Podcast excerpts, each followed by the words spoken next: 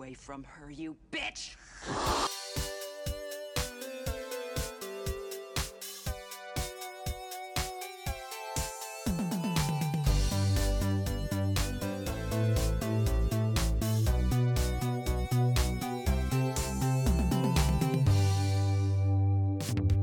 Eh, det är kul att hälsa alla välkomna till avsnitt 142 sedan starten av denna lilla populärkulturella podd Fulkultur. Eh, vad är det för gäng idag då? Jo, det är den vanliga panelen faktiskt med, med Jakob och Lövet och Gustav. Hej och välkomna. Halloj! Tack så mycket. Hur känns det med er? Bra. Varje dag, vi spelar in på en tisdag. Tisdag, ja, 15 februari om det är någon som vill liksom sitta och grafa upp hur lång tid det tar från inspelning till release. Till släppta avsnitt. Ja, så kan jag Precis. säga det den här gången. Det är någon sorts hum, även om jag alltid har ambitionen att jag ska klippa jävligt snabbt så att det kommer ut extra Mm. snabbt. Eh, vi får se hur, det blir. Idag ska vi prata om en eh, riktigt populär gammal härlig franchise, filmfranchise egentligen. Det är väl du som är drivande Lövet? Är det rätt att säga? Ja, jo. Jag har en viss för- förkärlek för eh, stilbildande filmer från slutet av 70-talet, verkar det som. Mm. Men det är också lite grann, jag tycker också om, om ditt liv är, eller dina intressen är en sån här Venn-diagram så är skärningspunkten någonstans Alien, vilket är det vi ska prata om. Och i, en, I en av de här bubblorna så är det skräck och i någon annan så är det film och kanske i den tredje är det liksom sci-fi Ja. någonstans. Och spel också för den delen. Ja, spel också för den delen, precis. Men vi ska gå igenom i alla fall eh, Alien-franchisen, vilket innebär storheter som Alien, Aliens och Sen var det inte så mycket mer. Nej. ja, men vi kommer dela upp, vi kommer, det finns eh, fler filmer och det finns serier och spel också. Men vi kommer, eh, vi sa det nu innan vi körde här, att vi delar upp detta avsnitt och kör ett dubbel. För att det är en sån Mm. omfattande franchise och du vill gå in på djupet i det här och det unnar jag dig. Det tycker jag vi ska göra också. Det förtjänar den här franchisen. Så att vi, det här är del ett. Och vi räknar väl med att vi kommer hinna gå igenom lite övergripande. Vi har lite annat. Vi ska ta ett med lite formalia. Och sen så hinner vi prata de två bra filmerna. Eller förlåt, De förväg. två men första de filmerna. två första filmerna kanske som de är mest ansedda. Det är inte fel att säga. Inte Jag sa det faktiskt med lite glimten i ögat. det gjorde för det, att, ja. ja. Alltså ni kanske blir förvånade hur mycket eller hur lite jag tycker om vissa av de andra filmerna som vi kommer prata om i nästa avsnitt. Mm. Och kanske blir förvånade över hur lite jag tycker om de här också. Vem vet? Nej då. Eh, det blir i alla fall Alien för hela slanten här. Så att, eh, det ett litet tips då för de som lyssnar om man inte hunnit se Alien från 79 eller Aliens. Aliens återkomsten från 86. Så bara kasta er in på, vad tror ni, Disney Plus och titta på den. Ja, Disney Plus har alla filmerna. Men precis, De för det äger, är de äger ju... ju Fox Studios nu. Eh, exakt, så det är Fox. Och de ligger väl under deras, jag vet inte om det är Stars, kanske som är deras vuxenbrand. Det som i andra i USA är Hulu. Men eh, man hittar i alla fall Alien-filmerna om man inte har barnfiltret på, på Disney+. Plus. Vänta nu, kan vi bara... Liten paus. Mm. The Star, det är Hulu. Ja, alltså, det, I USA finns det ju en tjänst som heter Hulu, Ja, som Disney den äger. mytomspunna. Ja, där Disney lägger sånt som inte riktigt passar Disney-brandet. Alltså Nej. det som inte är Marvel Sex och eller knark och Ja, men sex och knark och du vet den här Dopesick är ju en typisk Hulu-produktion. Eh, Handmaid's Tale, Hu- Hulu och så Mm. vidare. Eh, Hulu finns inte i många andra länder. Jag tror inte det finns i några andra länder förutom ja, kanske Kanada och sådär. Men i Europa i alla fall så har de ju samlat mycket av det innehållet. Inte allt innehåll, men det som de har rättigheterna till att visa. Till exempel Handmaid's Tale har de ju sålt bort då till HBO. Men eh, det som de har kvar, det har de lagt under, under Stars. Ah, okej, Så- då är jag med. Stars är med i, i Disney Plus-appen. Denna, denna streamingdjungel. Ja, verkligen. Och det är också så spännande att det är så olika i olika länder. Bara jag är i USA så är det två olika appar då. Då måste man hålla koll på. Då får man prenumerera på både Hulu och Disney+. Plus. Här får vi liksom en stor del av Hulu men inte riktigt hela i Disney+. Plus. Nej, och det, jag skulle gissa att många tror att Handmaids är en HBO-grej. Ja men verkligen. Och det blir ju inte bättre av att oftast när de köper in sådana grejer så har de ju visat det som ett, liksom, jag vet inte om det finns något som heter HBO Original, men jag menar Netflix gör ju så hela tiden. När de köper in Mm, en tv-serie, även om det hade varit SVT som hade producerat den, så visas det, då brandas den ju som ett Netflix Original. Och samma sak med typ, det här är ju inte streamingtjänsten, men eh, Breaking Bad till exempel Mhm. och Mad Men, är båda de såna här AMC Ja, just det. Åh, vad de heter. Men det är väl mer typ eh, ka kabel-tv i USA. Ja, precis det är det ju. Så, så, så det finns ju sånt där också. Gud, Mm. kabel-tv Ja, länge sedan. Absolut. Och det finns ju någon annan, sen, vad heter den här andra? Peacock är det någon streamingtjänst som man pratar mycket om i USA. Eller mycket och mycket, men på Twitter i alla fall. Det finns Va? inte i Sverige heller. Men det är ju, jag tror det är NBCs streamingtjänst. Mhm. Mm. Och ja, och så finns det ju... Nej, vänta, NBC kanske är den som har gjort Paramount Plus, som nu finns i Sverige. Då är den andra, kanske CNBC kanske. Jag vet faktiskt inte. Hörni, ska vi gå vidare? Avsnittet. Och Det här avsnittet om- handlar om streamingtjänster. Ja, exakt. Nej, vi har redan gjort ett avsnitt om streamingtjänster. Vi har lärt oss så Ja. mycket sedan dess. Men inför nästa, veck- inför nästa vecka eller inför nästa avsnitt så kan vi fundera på ifall det kanske finns en tjänst för mycket just nu. Ja, det kan vi göra. Det blir dagens fundera-fråga till nästa, nästa gång. Eh, ska vi istället kasta oss in i det här roliga inslaget som heter Vad har vi gjort sen sist? Det tycker jag. Då gör vi det. Och sen så får du då Gustav i vanlig ordning börja. Ja, absolut. På grund av att du är yngst. Ja, tack.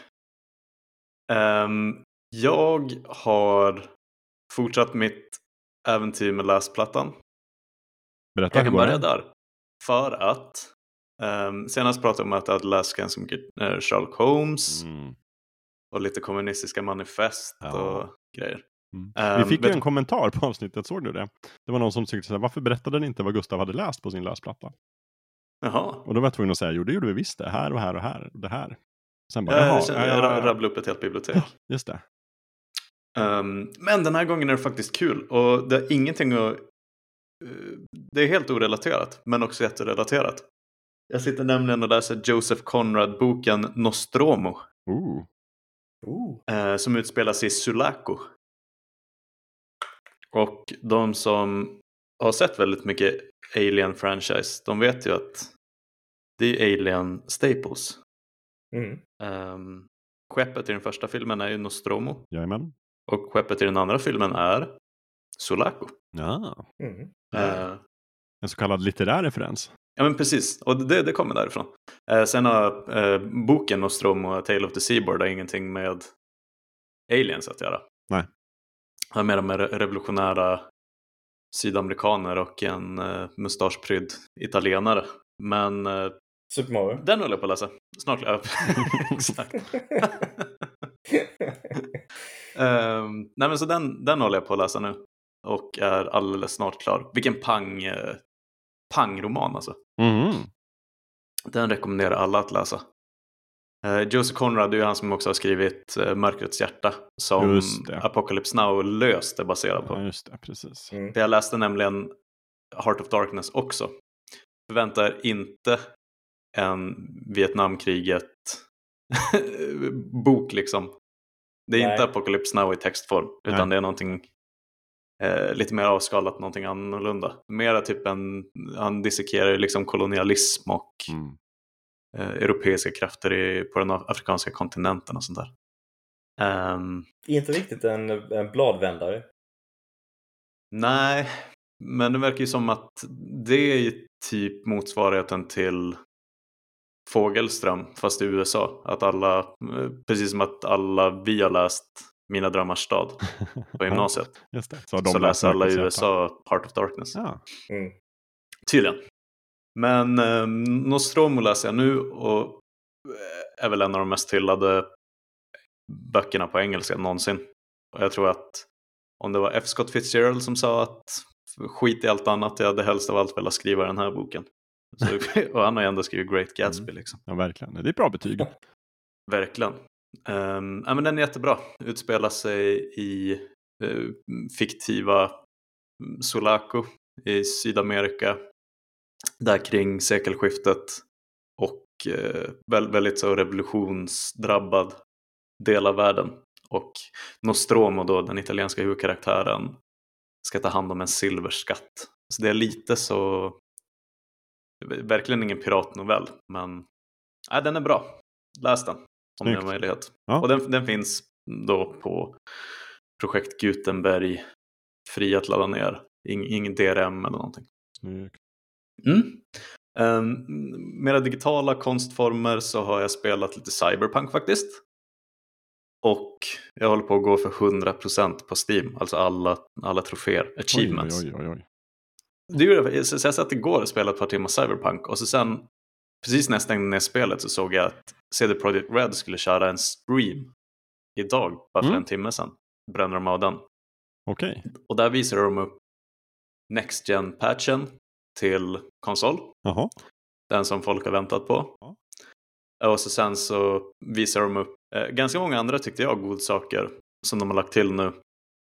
Eh, förbättrad AI, förbättrad fordonsstyrning, nya lägenheter, eh, två nya vapen. eh, men så lite, lite nytt eh, liksom content och väldigt mycket balansförändringar och bugfixar och grejer. Um, så jag skulle säga att spelet börjar närma sig Joakim Benett-redo. Och, är det Jakob-? Ja. Och även Jakob Bäck-redo. Ja. Alltså jag var supernära att, köpa Cyberpunk för bara eh, 25 minuter sedan, alldeles innan jag gick in hit i min studio. Mm. För att jag såg att den var så billig. På, det var någon som skrev i Geeks-kanalen på Slack att den var, kostade bara 199 kronor på Xbox. Köp, köp. Och då kostar den bara 260 kronor på Playstation Store. Så jag funderar på att ladda ner den nu. Men eh, Mm. det viktigaste de sa på den där streamen var när kommer Next gen uppdateringen Sa de Idag. Datum? Idag, den Nu. kommer idag, den finns ja, nu. Det, det var, de okej. gjorde en Beyoncé. just det, ja, då är det inget att fundera på. Då är det bara att köpa. Så jag satt, eh, jag kommer ha många gigabyte på mitt samvete innan den här kvällen är över. För att nu när jag kom hem så laddade jag ner patchen på PC. Det är bara en 48 gig tror jag på, på Steam. Och jag tror den är ännu större på konsol. Ehm, så det är ingen liten munsbit.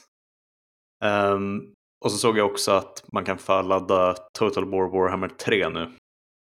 Strategispelet som jag pratade om i vårt förra avsnitt. Mm. Så det blir väl, jag vet inte, minst 60, upp mot 100 kanske. Ja. Kan jag. Så det ska jag ladda ner sen så fort vi är klara med den här inspelningen. Ehm, Så, nu, nu köpte jag Cyberpunk här. laddar ner till min konsol mm, sen imorgon så att jag inte tar bandbredd här från podden. bra. Snyggt. Ehm, vi- vet ju såklart inte, jag tycker att man ska vänta. De, de finns ju de här äh, väldigt duktiga britterna och amerikanerna på Digital Foundry. Om ni känner ja, till just det. Precis. Mm. De Den YouTube-kanalen. Coola YouTube-videor.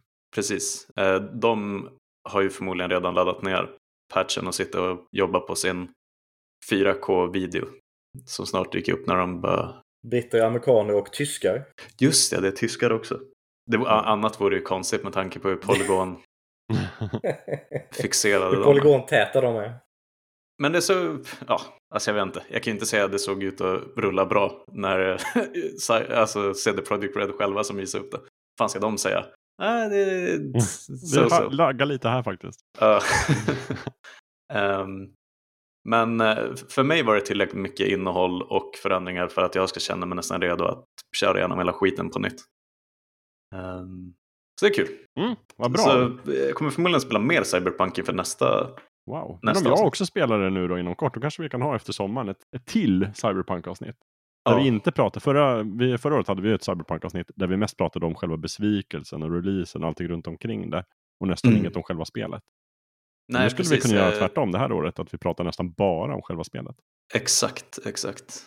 Ehm, och det är ju det man kanske glömmer bort med Cyberpunk. Att det var ju inte bara en No Man's Sky-release.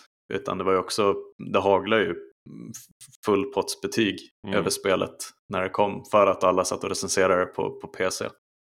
Um, FZ till exempel gav det ju 5 av 5. Och Just det tycker jag inte eh, är ett konstigt betyg alls. Nej. Men, men det känns som att ibland glömmer jag bort det. Att Cyberpunk fick skitbra betyg när den släpptes. Men den stora tekniska katastrofen ägde rum på konsol. Framförallt PS4 och Xbox One. Men som sagt, vi har ett helt avsnitt om, om just det. Um, sen har jag kollat klart på The Book of Boba Fett och det tänker jag att ni också, du också har gjort Jakob. Ja, det har jag gjort. Lövet har väl precis tänkt att dra igång. Nej, i och med att det sista, i och med att sista avsnittet nyss släpptes så har jag inte tittat igenom den. Nej. Och du har inte kollat någonting. Nej. Du har sparat alltihopa. Precis. Ja. Då ska vi inte spoila någonting. Jag skulle bara säga Nej, jag att lyckas jag, undvika spoilers helt Ja. faktiskt. det är bra gjort. Um, det hände någonting konstigt fokusmässigt under andra halvan av säsongen. det Mm. kommer Lövet att hålla med om tror jag. Mm. Men jag håller fortfarande fast vid det jag sa förra gången att det är habil utfyllnad inför nästa Mandalorian-säsong. Jag ångrar inte alls att jag kollar på det. Ehm, sen var det väl inte lika spännande kanske, inte lika mycket en happening som Mandalorian. Men det trodde jag inte heller att det skulle vara på förhand så att jag känner mig inte besviken där. Och det passar ju väldigt bra också i tiden, för i, nu är det februari, vi kommer prata Alien. I, I mars, så nästa ordinarie avsnitt, då kommer det finnas utrymme för att prata mer om Boba Fett faktiskt. Mm. Så det, och då hinner, har ju du hunnit kolla på det också, Lövet. Mm. Jajamän. Så kan vi bjuda in, bjuda in dig i diskussionen Ja, exakt. på ett, Och inte på ett prata annat så här sätt. lite vagt runt dig, som, som Gustav gjorde nu. Exakt. Mm. Jag vill inte spoila, men det händer en grej i det här Men avsnittet. den där protagonisten Mm. och antagonisten och Ja, planeten. jag vet. Och, ja. Du vet, när det där hände, då... Ja, sen har jag typ inte hunnit så mycket mer. Jag sträckkollade Love is blind på, på Netflix. Reality-tv. Ni kan ha pratat om det tidigare, eventuellt i eh, Sims-avsnittet Jakob. Jag sa, ja men det nämndes nog mycket reality-serier där jag, som Ja. jag inte förstod riktigt vad det var för någonting. Det är skitdumt och jättegenialt på samma sätt, på samma gång. Just det. Ehm, de killar och tjejer som träffas och dejtar, de sitter liksom i varsitt rum och har bara en vägg framför sig så de dejtar utan att se varandra. Oh. Så man ska bli kär i liksom personligheten och rösten. Ja, just det. Så gifter de sig efter sex dagar och drar iväg till Mexiko och så sen så ballar allting ur. Ehm, ja, kolla, kolla på det om ni, om ni törs. Det låter ju som de där tv-programmen från 90-talet där de skulle sitta eh, med en skil- avskilja vägg mellan tre eh, friare och eh, en dam. Just Jag kommer inte ihåg vad de heter nu. Eh, Chagalen? Nej. Ja, Ja, Kära Galen var väl den på TV4 va? Jag tror det var med, ja precis. Mm. Ja, mm. Om det var med René Nyberg kanske? ja kanske Åh. det. Eller Lotta Engqvist. Ja, det kan Ja, vara. Ja, just det. Lotta var det nog kanske någon. Mm. Ja, ja. Sk- Ja, Jag garanterar att det här är dummare än det. Men det är typ min fulkulturella skörd. Mm. För den här gången. Eh, Om, om vi fortsätter gå i åldersordning då, då är det faktiskt du nu Lövet. Så. Jajamän. Är, du, är, du, är du redo? Jajamän. Jo, eh, jag har gjort en hel del sen sist, men eh, jag skulle säga de tre eh, mest intressanta och spännande sakerna jag ägnat mig åt är, jag tog en, en inspiration från Gurras e-boksinhandlande och köpte mig själv en, en liten e-boksläsare och köpte på mig ett gäng böcker. Det var ju typ också jag direkt efter förra avsnittet nästan. Det var, så, Ja, ja, det var, det var- samma kväll eller någonting. Så du Det var samma bara, kväll "Nu jag la beställningen på klappa." e-boksläsaren. Från tanke till handling, det är bra. Jajamensan. Uh, här vilar vi inte på, eh, på gamla meriter. Men, eh, men boken jag läst är faktiskt en bok jag har köpt för länge sedan eh, och inte bara kommit till skott eh, med att läsa. Eh, och det är Nässlorna blomma av Harry Martinsson. Eh, som faktiskt är, jag, kommer från mitt släktled på min fars Oj. sida. Ja, jag Det kom, kommer inte ihåg om det är Mhm. farfars farbror eller ja, nå- något åt det hållet eller far, ja, far, eh, farmors Vadå, är Harry. Martinsson din farfars farbror eller någonting sånt? Ja, alltså, jag, jag är osäker på i vilket, eh, vilket led på pappas sida Ja. eh, han kom, men eh, ja, han är, han är från vår släkt. Wow. Det är därför du är en sån jäkla ordsmed mellan varven. du, hoppar över, du hoppar över ett par generationer kanske, men eh, till slut. Landades. eh, och eh, som, som med många så här Harry Martinsson-böcker så är det ju inte det, kanske det mest, mest eh, så här, glädjefyllda eh, ämnet. Det handlar om en ung pojke som får eh, skeppas runt bland olika eh, så adoptivfamiljer. Men eh, så här, fan, överraskande, fantastiskt roliga formuleringar ibland. Eh, finns bland annat eh, typ som ett, eh, inte förord, men ett, ett, eh, förkapitel innan det första kapitlet själva berättelsen börjar. Och Jag, jag satt och skrattade högt flera gånger under det liksom, förkapitlet eh, åt alla de eh, enormt roliga formuleringarna han hade. Och även under i själva boken så eh, stöter jag på stundtals så här formuleringar som får mig att skratta högt. Eh, bland annat eh, den här pojken så här, filosoferar om eh, luffare. Att eh, man kan ju stöta på luffare. Eh, och de som är luffare som har mustasch, de är farliga och de kan ha kniv och de kan sticka dig. Men luffare som inte har mustasch, de är inte farliga och de har inte kniv. De kanske har en fällkniv men de har inte en riktig kniv. Så ser du en luffare som, som har, inte har mustasch, då kan det vara lugnt. Men ser du en luffare med mustasch, då ska du akta dig. och det, ja, det, den är fantastiskt underhållande och eh, välskriven och eh, i stundtals som lite som det var böcker kunde vara på den tiden, att de lite väl eh, navelskådande i eh, omständigheter runt omkring och vad den här pojken funderar på i olika lägen. Det kan, bli lite väl mycket eh, runt omkring som kanske inte för berättelsen framåt. Men eh, som helhet, om man, är, om man är nyfiken på att läsa svenska klassiker så eh, kan jag varmt rekommendera den. Eh, och sen har jag så här, eh, omedvetet snöat in lite på eh, zombier. Både i spelform och, och filmform, eller serieform. Uh, för jag, jag började, efter jag spelade klart det senaste så här, uh, långrandiga JRPG så tänkte jag, ja, men nu, nu ska jag ta tag i någonting lite mer lättsmält och uh, hjärndött. Bokstavligt talat.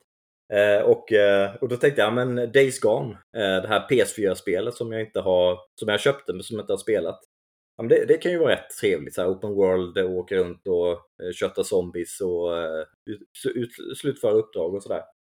Eh, så började jag spela det, det var ju ganska trevligt. Eh, ingen 10 poängare men en trevlig spelupplevelse då. Och sen såg jag att det kom en sydkoreansk eh, serie på Netflix. All of us are dead. Tänkte jag bara, hm, zombier, eh, det är ju egentligen ganska, det känns ju ganska gjort eh, sen den förra storhetstiden där för ett eh, gäng år sedan. Jag tänkte att ja, det är sydkoreanskt ändå. Det, det, har kommit mycket bra därifrån på senare år. Så jag, så jag började titta på den. Eh, och den är jättebra. Eh, så jag har blivit lite biten av eh, zombiesjukan igen. Eh, vilket var väldigt oväntat. Ja, jag har hört mycket gott om den också måste jag bara säga. Den All of us are dead. Ja, det, den verkar ha blivit väldigt populär. Mm. Och eh, jag tror precis som du att det är många som tycker att Sydkorea är on a roll. Som, eh, som man säger. Mm. Att de, nästan, de, de ser det på Netflix och så ser de story typ Sydkorea och då tänker de åh, fan den tar vi. det är ju Parasite-landet. det, det, säger mycket om liksom hur, hur, snabbt det kan gå för ett, ett lands filmindustri och tv-industri att bara ta fart. Ja. Um. Ja, så det, om man är det minsta intresserad av zombie och eller sydkoreansk produktion så uh, kan jag rekommendera den. Den är Eh, fokus på ungdomar. Eh, ungdomar på, som är fast på en skola så ska de försöka ta sig därifrån och folk ska försöka komma, ta sig dit och hjälpa dem och sådär. Men äh, jättebra karaktär, välskriven och spännande så ja, kan rekommenderas. Och sen en sista grej. Vi, I 2022 avsnittet pratade lite om att jag var spänd på vad ska det bli av Ghostwire Tokyo egentligen? Ja. Och sen nu för, för typ om det var förra veckan eller förra, förra veckan eller vad det var så presenterar de till slut Ghostwire Tokyo. Ja. Eh, lanseringsdatum och lite gameplay och sådär hur det funkar. Så nu vet jag ju vad, faktiskt vad det är för spel. det, det, är inte, det, det, är inte ett renodlat skräckspel. Eh, och ja, jag har lite, jag lite eh, jag ser det både som positivt och eh, inte negativt, men eh, jag hade ju hoppats på eller väntat mig ett skräckspel och det är ju lite min, en av mina favoritgenres. Men det, det är ju mer ett, ett actionäventyr eh, i paranormal eh, inramning kan man säga. Så det, det, är inte så mycket skräck över det förutom att ja, det är lite andar och eh, demoner och annat in, inblandat. Men eh, av, av det game, gameplay-demonstrationen eh, vi fick se så såg det väldigt kul ut. Så väldigt snyggt ut. Jag gillar designen jättemycket. Och, och det, är, det är lite mer, det har ju mer gemensamt med action, arkad-action-äventyr där du ska liksom länka ihop olika attacker på ett snyggt sätt eh, för att eh, eh, utplåna fiender så snyggt som möjligt. Eh, och det var inte riktigt det jag väntade mig. Men ändå när jag såg den presentationen tänkte jag att ah, det här kan ju bli jädra bra. Eh, så eh, ja, nu, nu vet jag vad Ghostwire Tokyo är och är eh, superpepp. När kommer det då? Faktiskt. Eh, det var väl 25, var det 25 april? Jaha. 25 Mm. mars? Ja, ja det, det är inte jättelångt bort i alla fall. Nej, okej. Ett vårspel i alla fall. Ja. Jag tyckte att det såg ehm, eget ut på ett sätt som fler spel gjorde på Xbox 360 Playstation 3-eran. Mm. Om du fattar vad jag menar. Jo, precis. Men det, det är lite det här eh, kreativa och experimenterande som, som var mer vanligt då eh, än nu när det mesta är strömlinjeformat i, in i vissa riktningar kan man säga. Mm. Um, nej, men jag liksom började, såg också gameplay, läste lite previews och eh, lyssnade lite om spelet i podcast och sånt där. Jag, jag är inne på jag är samma linje som du Levet. Att nu när vi väl vet vad det är så blev jag inte besviken, tvärtom. Jag blev jätteintresserad av, av vad den färdiga produkten ser, ser ut att kunna Mm. bli. Ja, Och kul att ett- det släpps så snart liksom. Ja, precis. Ja, 25 mars är det, kommer jag på nu.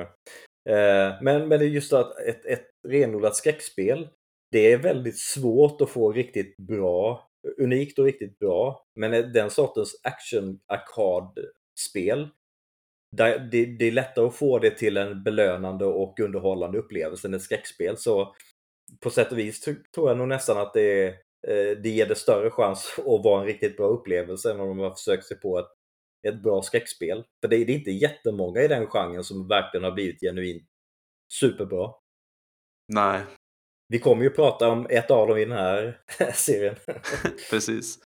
Nej, men jag tror att, ehm, ja, hå- hå- håll ögonen på det. Eller om, om ni inte har tänkt så mycket när vi har sagt Ghostwire Tokyo tidigare i Fyllkultur så tycker jag att det är värt för er lyssnare som blev intresserade av Lövets beskrivning att kolla upp det Mm. nu efter avsnittet. Ja, det kommer tilltala fler, definitivt tilltala fler än vad det hade gjort ifall det var liksom The Evil Within 3 fast i Tokyo. Exakt, exakt. Och det var lite det jag hade väntat mig, men precis som du, jag blev inte besviken över att det inte är det.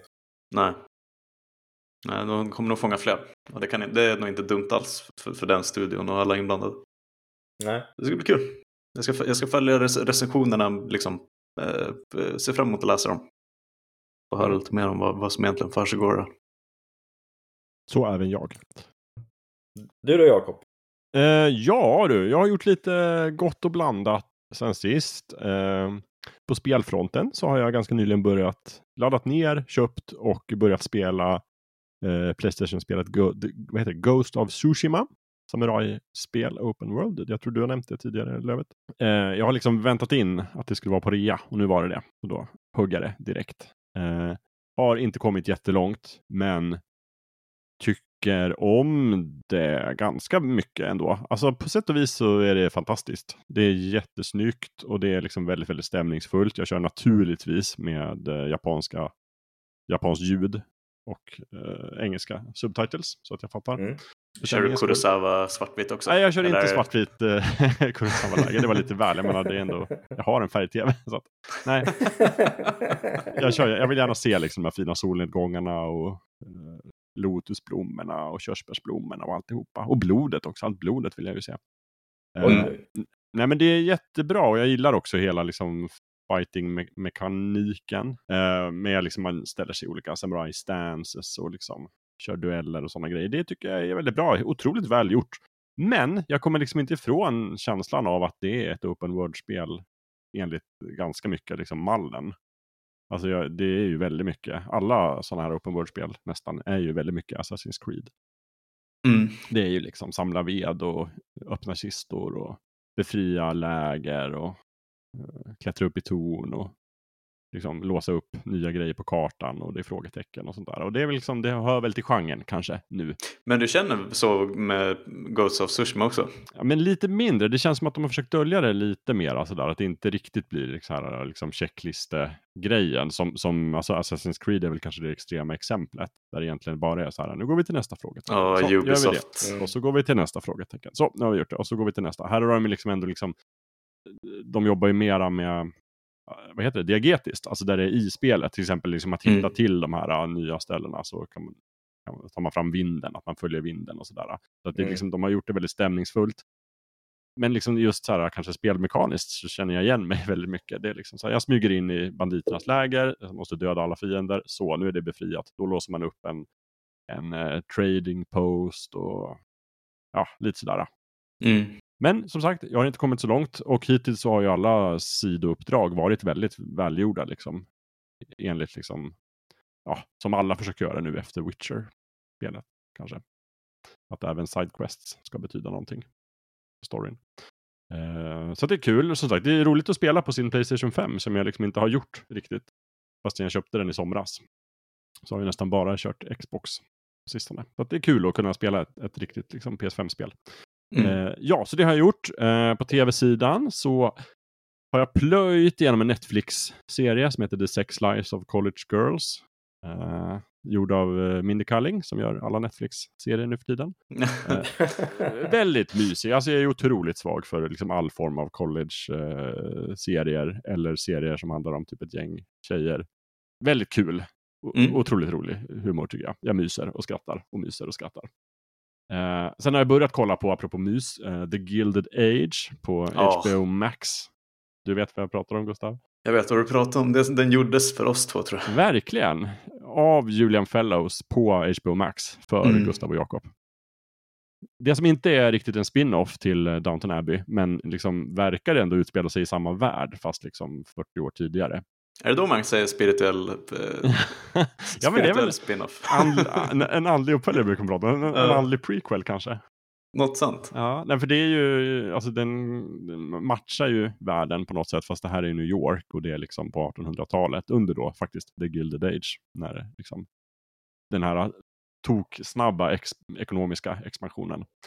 Eh, när järnvägar byggdes och folk blev multimiljonärer.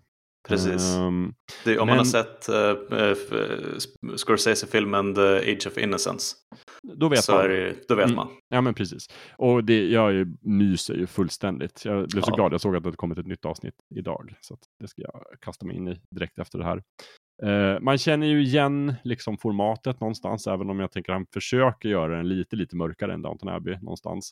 Men det är ju, man ser ju så alla karaktärer, eh, både downstairs och upstairs någonstans. Okej, den här personen är den där karaktären från Downton Abbey med lite av den karaktären från Downton Abbey. Och där har vi liksom mixen av de två karaktärerna från Mm. Downton Abbey. Eh, han pratade ju lite förut, Julian Fellows, från början så var han ju mer inne på att det här skulle vara en riktig prequel. Och så hintade han lite om att man skulle kunna se kanske baronessan i unga år springa förbi där. Sen har han liksom lite distanserat sig till det, vilket jag tror är bra. Låta det vara sin egen grej lite mer tror Ja, jag det hade inte blivit, dumt lätt alls. blivit Alltså. så sökt. Men Precis. jag upptäckte också att han har gjort någon form av miniserie om Titanic, vilken jag är väldigt sugen på att kolla upp. Oj. Eh, jag ska undersöka saken, jag återkommer. Mm. Eh, mera tv. Jag har kollat på Disney Plus på långfilmen Encanto. Den, eh, vad är det, 40 animerade kanonklassikern från Disney Animation Studios. Eh, med musik av Lin-Manuel Miranda. Så nu, nu pratar inte du om Bruno heller? Jag pratar inte heller om Bruno, absolut inte. Nej. Jag tyckte att musiken var toppen. Jag tyckte att den var otroligt snygg, men det är ju alla animerade filmer nu för tiden. Mm. Eh, jag tyckte att manusmässigt och storyn var lite tunn. Kan jag tycka, som så här animerad finsmakare. Ehm, Var det du som var ett stort fan av den Luca? Eh, som är- Luca tyckte jag var supermysig. Ja, Absolut, jajamän. Ehm, den gillade jag. Och ja, men den här var också supermysig. Den var bara, jag fattade inte riktigt upplösningen. Jag bara, jaha, så sensmoralen var detta. Sa jag. Mhm. Mm. Och ställde mig upp i så fall. Eh, men... Och hytte med näven. ja, och sen gick jag väl av mig. Ja, nej, men det, den var ju bra. Väldigt bra. Eh, mysig. Mm. Jag fattar varför den har blivit stor på Disney+. För det är ju typ den mest streamade filmen där i alla fall. Även om jag tror inte den har gått så här super, super, super bra på bio. Men eh, jag kan känna också lite grann att typ animerade långfilmer börjar liksom hitta sitt naturliga hem på streamingtjänster. Ja, jag än tänkt- biograferna. Tänkt samma tanke. Ja. Biograferna kommer bli mer och mer liksom Marvel-filmer. Om man är Disney i alla fall. Eh, Men bra. Många tror ju att det är Lin-Manuel Mirandas första Disney-film. Det är det ju inte. Han gjorde ju också musiken till eh, Vaiana för några år sedan. Mm. Det som på engelska heter Mm. Moana. Eh, den var också väldigt bra. Så att, eh, tumme upp ändå för mig. Och som sagt, lyssna på soundtracket. Eh, det var väl det. Sen ska jag också uppdatera. Jag passar på att göra det nu så jag inte glömmer det. Vi pratade lite hastigt förra avsnittet när du hade köpt din läsplatta, Gustav. Och, och alla Ja. uttryckte någon sorts idé och intresse om att läsa mera. Och då sa vi att vi kanske borde liksom läsa en bok tillsammans och diskutera den. Sen gjorde vi ju slag i saker på sociala medier, på Instagram, Fulkulturpodden, och eh, gav eh, våra följare två alternativ, två böcker att välja mellan och så fick de rösta och säga sin åsikt i kommentarsfältet. Och sen valde vi en av böckerna som vi då ska läsa tillsammans. Och då blev det Project Hail Mary av Andy Wire. En, eh, verkar vara en riktigt mustig och härlig sci-fi-bok. Eh, samma författare som gjorde, vad heter den? The Martian. The Martian, precis, som också blev en populär film Mm. av Ridley Scott som har regisserat första Alien-filmen som vi snart ska prata om. Så att eh, vi kommer att läsa Project Hail Mary, alla vi tre, och sen så kommer vi diskutera den i något avsnitt framöver. Och då tänkte jag så här också, att alla lyssnare som vill kan ju också läsa boken. Och på något sätt som vi ska komma på delta i diskussionen, om det handlar om att liksom skriva in på förhand eller liksom svara på en enkät eller om vi fixar någon sorts livechatt, eller jag vet inte hur vi nu gör. Vi har inte löst det riktigt än, men vi ska tänka på det. Mm. Men, men, men vi, vi, på något sätt, om ni, så det här blir startskottet. Mm. Så när ni lyssnar på det här avsnittet då kan ni, då kan ni börja läsa den också. Och, Nej men eh, precis, gör det. Det finns och, lite olika uppslag, men vi får klura på Ja, dem mer. jag vet. vi- och jag tror att om man vill, om man kan tänka sig att läsa den på svenska så finns den jävligt billigt på bokrean. om man inte kan det då... Om man får inte är som oss som sa nej, nej, abort, köp ej, den är på svenska. Jag gillar att du Lövet sa så här, absolut inte svenska, det går fet bort. Och sen bara, nu har jag köpt den, här är bilden. Och jag bara, men den där är ju svenska versionen. Och du bara, oj då. Ja, så kan det gå. Men hur ska du göra nu Lövet? Ska du köpa en till exemplar på engelska eller ska du läsa den på svenska? Nej, jag läser den på svenska faktiskt. Ja, då, kan jag, så- då kan jag kommentera på den upplevelsen så kan ni Ja, kommentera på den engelska upplevelsen. Det blir jättebra, för jag tänker inte läsa någon franska versionen eller någonting sånt, utan det blir engelska. Nej, men då vet ni det, alla lyssnare. Project Hail Mary, ladda ner och läs eller lyssna på den eller låna på biblioteket eller liksom, jag vet inte, hur ni nu får tag på böcker, gör det. Om ni vill Ja. eh, vara med i bokklubben, som kommer någon gång senare i år. Mm. Ja, Det var det. Nytt projekt från genierna på fulkultur. Exakt, vad ska de hitta på nästa gång? Tokfransar. Punkten. Mm, precis. Ständig förnyelse. Med det då, eh, 37 minuter in i avsnittet så har vi betat av liksom formalian och nu är det dags då för mig att lämna över kanske ledarfacklan till dig Lövet så får du leda oss in i den här underbara världen av eh, rymdskräck eh, Eh, med en liten introduktion till Alien-universumet och kanske våra egna upplevelser av det då. Och sen så betar vi in det mer i detaljer. Vad säger du om det? det låter jättebra. Jo, vi ska ju som sagt prata om eh, en liten film som heter Alien och dess uppföljare idag. Men vi tänkte att vi skulle gå igenom eh, vilka huvudsakliga narrativa delar som finns i den här serien och sen diskutera lite hur vi förhåller oss till de här delarna. Eh, och det börjar ju då 1979 med eh, Ridley Scotts första mästerverk Alien, eh, kort och gott. Och den får ju en uppföljare 86 som heter Aliens, eh, plural. Som, där James Cameron tar över tyglarna för en liten annan inriktning kan man säga. Eh, och sen dröjer det till 92, 1992 innan David Fincher får eh, göra ett försök med Alien 3 eller Alien i kubik, hur man nu vill se på det. Mm. Kubik alien. Eh, kubik Alien, precis. Eh, och sen dröjer det några år till. Sen kommer eh, Alien 4, eller Alien Resurrection, eller Alien återuppstår. Eh, där en, eh, en annan nördbekant, Joss Whedon, eh, stod för en del av eh, manus. Vilken framgång han nådde och de nådde är ju en, en diskussion för nästa avsnitt. Och sen dröjde det jättelänge till 2012 innan Ridley Scott återvände till serien han startade med Prometheus. Eh, och sen dröjde det inte riktigt lika länge innan eh, serien fick en, ny del fast i spelform med eh, Alien Isolation. Som på många sätt kan liknas vid första Alien i spelform. Och här vill jag flika in och säga att det var det skräckspelet som vi pratade om tidigare. Som blev tokhyllat. Jajamän, jajamän. Det enda i serien som kan man kan säga har blivit tokhyllat. Eh, och sen dröjde några år till.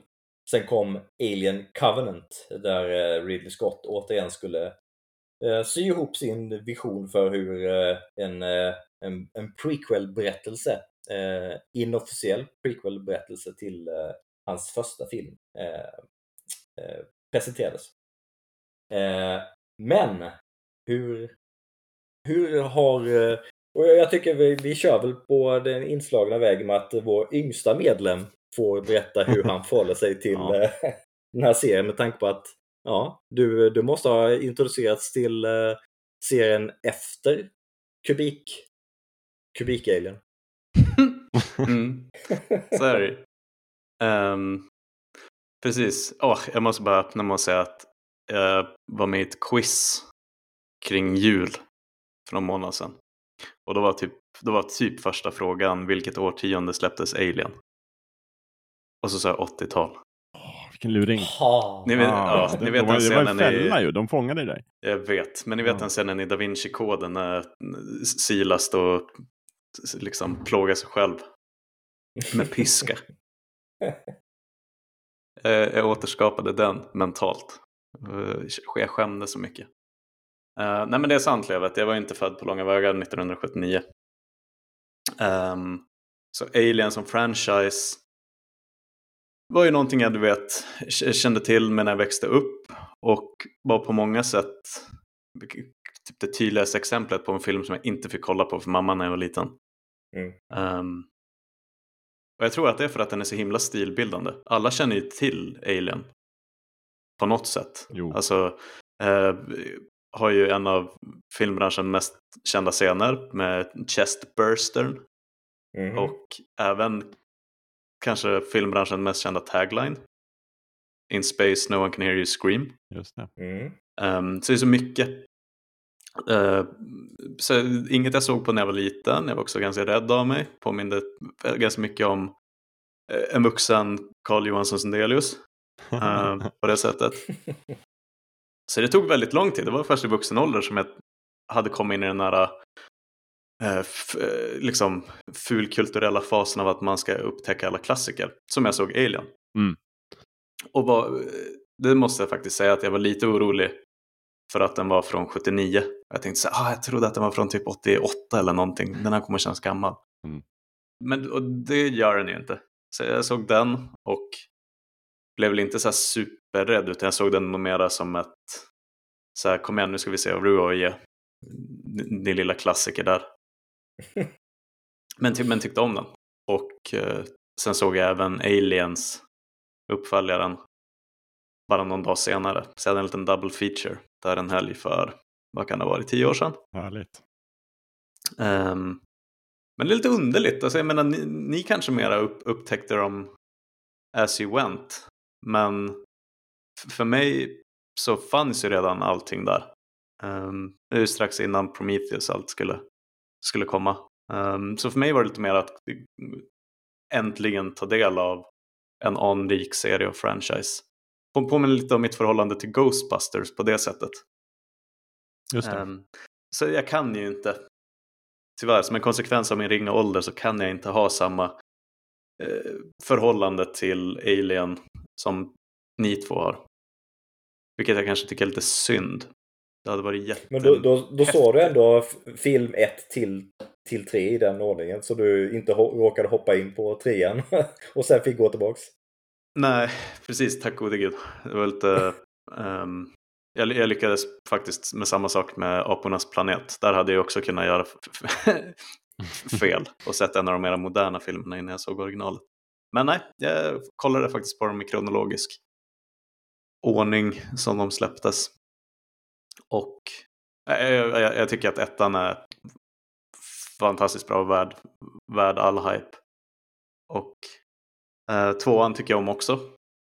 och det är lite så en Terminator 1 och 2 situation där det finns en del som tycker att Aliens är den bästa filmen och Alien är den bästa. Um, och där de tvistar lärare. Men jag, jag, jag ser nog att Alien är den bästa filmen i serien. Den är så avskalad och enkel på ett jättehärligt sätt. Um, och kanske faller den offer för Seinfeld-syndromet ibland. Att folk som kollar på den nu tycker att det mesta känns gjort, men... Det är ju för att den gjorde det liksom. Precis. Ja. Precis, Mm. sci-fi skräck så är det ju Alien och det, det märker man ju även. Jag menar, spela Dead, Dead Space till exempel är ju i mångt och mycket en hommage till, till Alien. Mm. Ehm, så ja, jag, jag kommer inte att säga att det på något sätt är en överskattad film. Och så vet ju ni att jag ber vid Ridley Scotts altare på en daglig basis.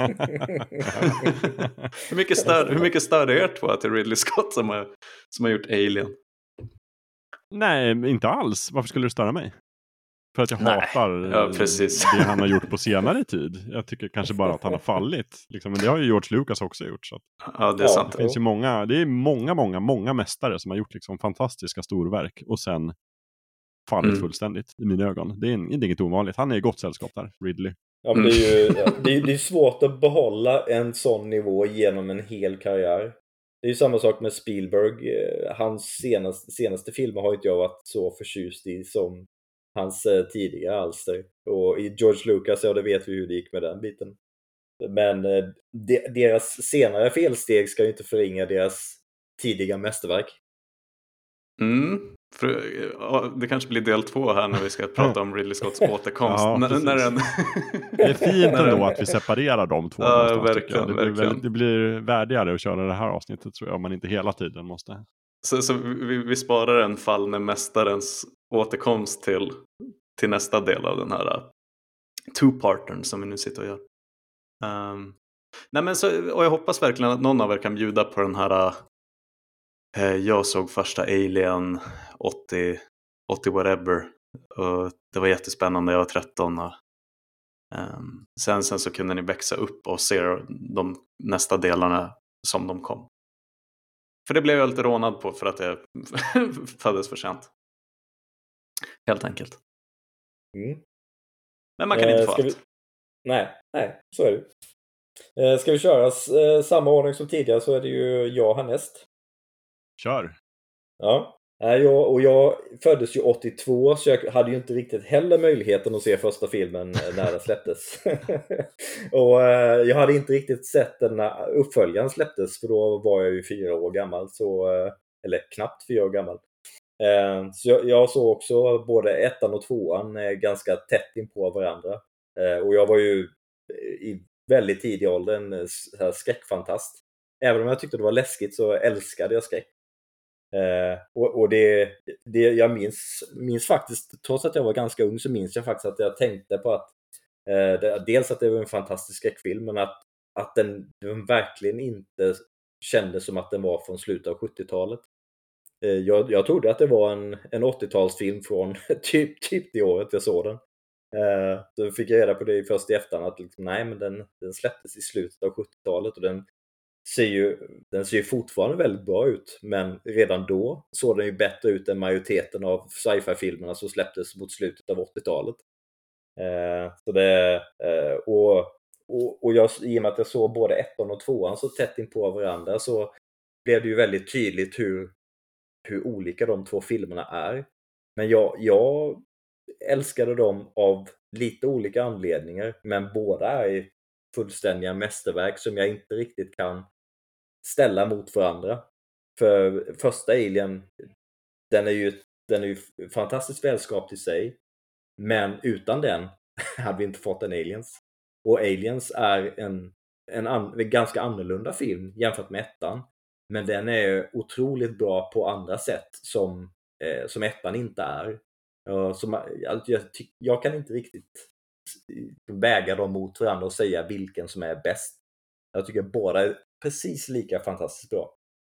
Eh, och sen såg jag Alien 3 när den släpptes. Då var jag faktiskt gammal nog. Då var jag till och med tonåring. Eh, och eh, ja, Eh, det, det var väl någonstans där eh, jag eh, tyckte att serien började eh, kanske vackla lite. Men, eh, men ja, vi kommer komma in på det i nästa avsnitt. Men jag har väl kanske ändrat min hållning lite där på, på senare år jämfört med hur jag reagerade på, på den tiden. Men, men om man ska se till min fullkulturella eh, intressesfär så är ju Alien tillsammans med typ Hajen och Star Wars. Alla så här, mitten, slutet av 70-talet. Liksom bland det bästa eh, som jag eh, känner till och har upplevt. Det, det, det, är få saker som gör mig lika upphetsad som när det kommer något nytt, något nytt Alien. Eh, även om det kanske inte har blivit så mycket i slutändan på senare tid. Eh, hur är det för dig, Jakob? Ja, alltså. Lite både och vill jag nästan säga. Alltså jag var inte heller då, jag är född året efter 79. Så att jag hade inte heller möjlighet att hinna till, till biografen där på premiären. Men jag sitter och funderar på, jag vet när jag såg den första gången, jag såg första Alien-filmen på tv när den visades. Jag har alltid kollat upp sånt där. Då. På kanal 1 så visades den på, S, på SVT. Eh, 11, nej, nu ska vi se. 3 november 1995. Så då var jag 15. Då såg jag första Alien-filmen och det var en stark upplevelse.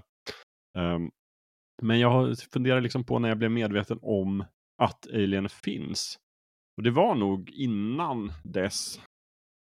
Alltså, jag har ju pratat om det tidigare, att jag hade ju inget så här naturligt liksom, att film är ett liksom, coolt medium förrän liksom, ganska långt upp i åldern, förrän jag var liksom, tonåring. Vi hade ingen video hemma och det, liksom, det var något väldigt, väldigt speciellt och lite så här esoteriskt nästan att liksom, titta på film.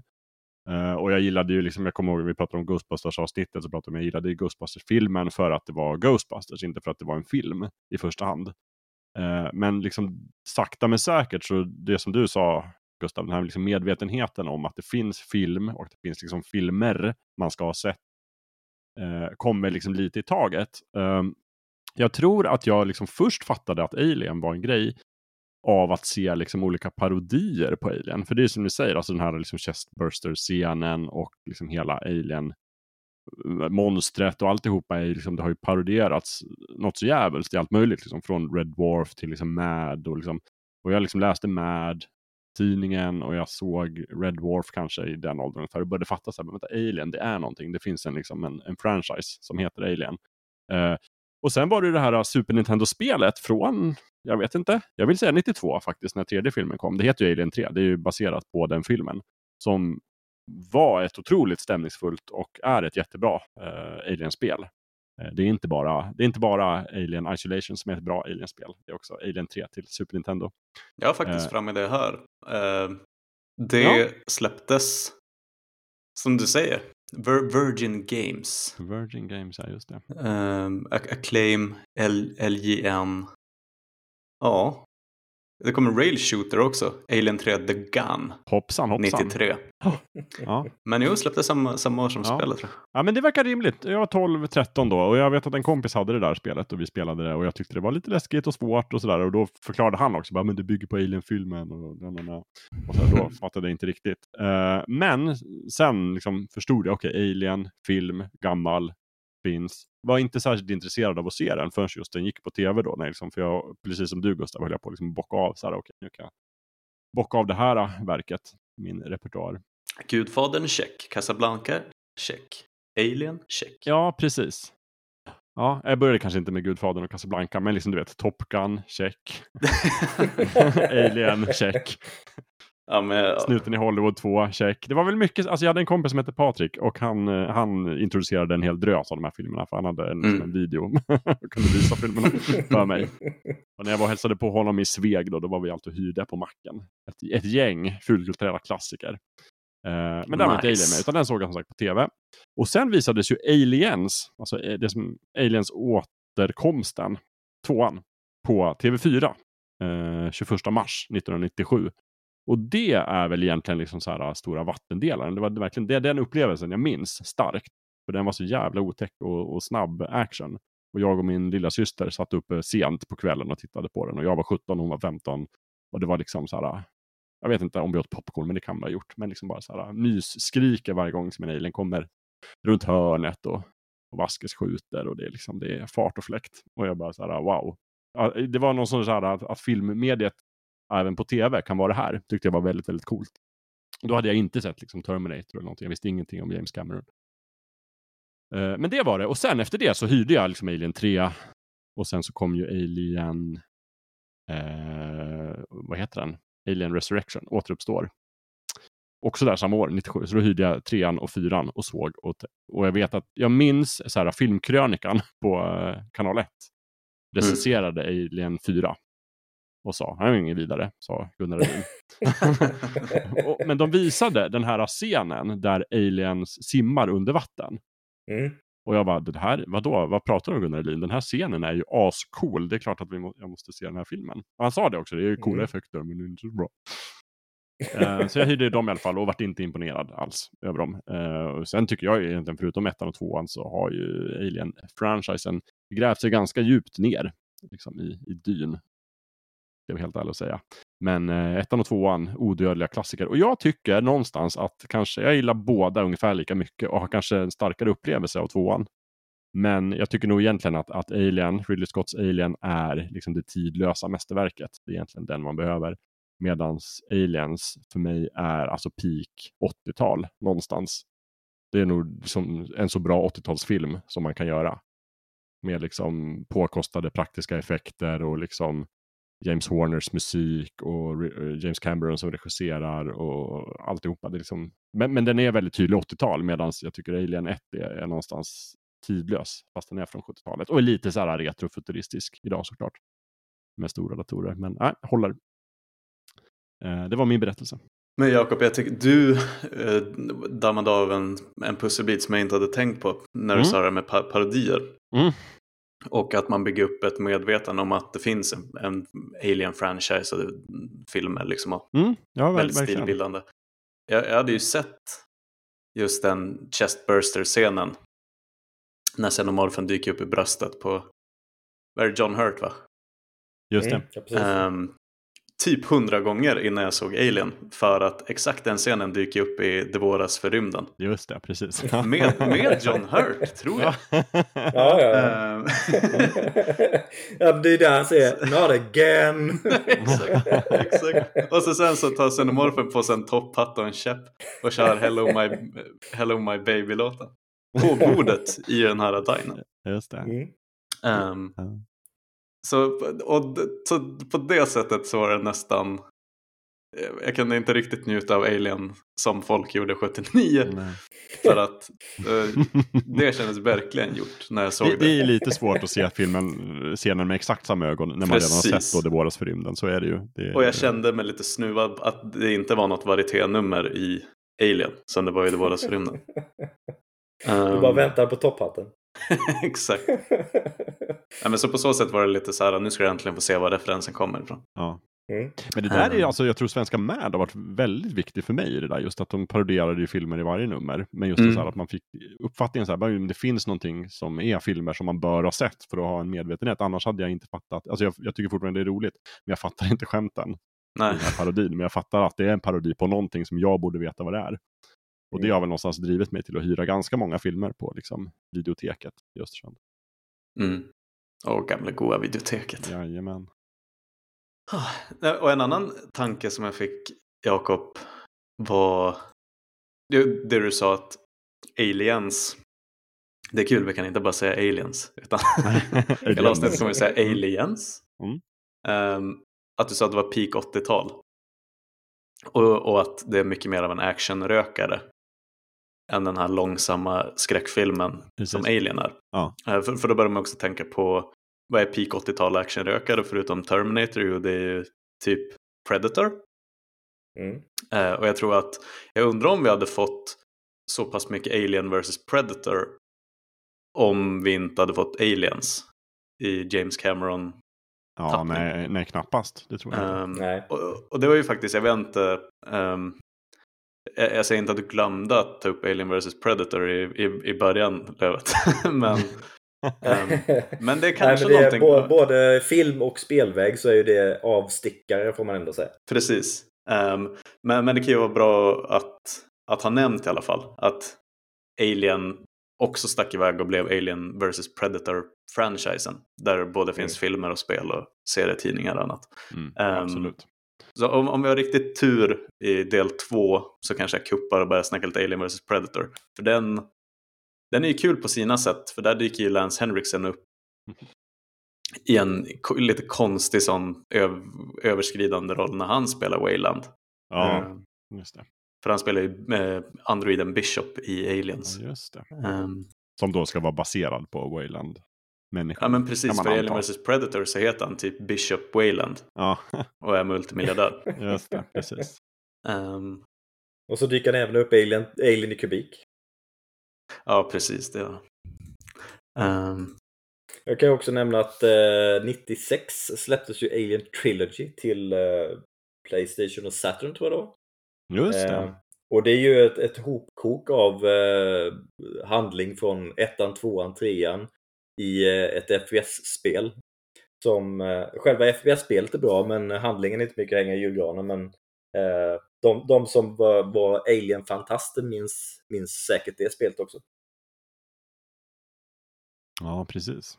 Och sen i de här lite, vad ska man säga, mörka åren mellan, alltså efter fjärde Alien-filmen, innan de har börjat med Alien vs Predator-filmerna och innan Ridley Scott kom tillbaka, så var det ju för mig egentligen var ju hela Alien-franchisen var ju bara serietidningar egentligen från Dark Horse. Och där de liksom mm. mötte alla möjliga serietidningar. Alltså det fanns Alien vs Batman, Alien vs Terminator, Alien vs Robocop. Alien träffade alla på något sätt. I olika alternativa universum. Jag ställer frågan redan nu så kan ni få suga på svaret. Är det det mest liksom ikoniska monstret? Alltså åtminstone i sci-fi-genren. Det är väl ett enkelt ja. Men i, i filmbranschen? Topp alltså 10? Det, ja, jo, oh ja, oh ja. Eh, jag bara tänkte på att Predator är ju också eh, ganska igenkännbar. Ikonisk. Men det är ju, jag, jag skulle säga att de, den serien är inte lika högt aktad som Alien. Men jag undrar om inte den nästan är på nivå, kanske inte riktigt med Alien, men ganska nära när det bara är igenkänningsfaktorn ändå. Ja. Jag, jag tänker att Predator är osynlig så länge. det är sant. Där handlar det mer om att inte se. Ja. Se jag, jag, jag, tycker, jag tror nog att, att alltså, eh, designen på Alien, alltså Ayer Xenomorphen. design, Xenomorphen, är mm. liksom den, ja men, det mest monstriga som vi har fått fram i liksom film, filmvärlden hittills. Mm. Det, det mm. tror jag. H.R. Gigers uh, fantastiska design. Precis. Det här blir någonting för lyssnarna att kommentera och säga att fel, ni har fel det, det här är. Ja, precis, just det. Säg ett monster som är bättre mm. så får ni skriva in till det. Och då kan man gå in på fulkulturpodden.se och klicka på kontakt. Och så skriver man ett formulär där. kan säga eh, rubrik, kan skriva ni har fel.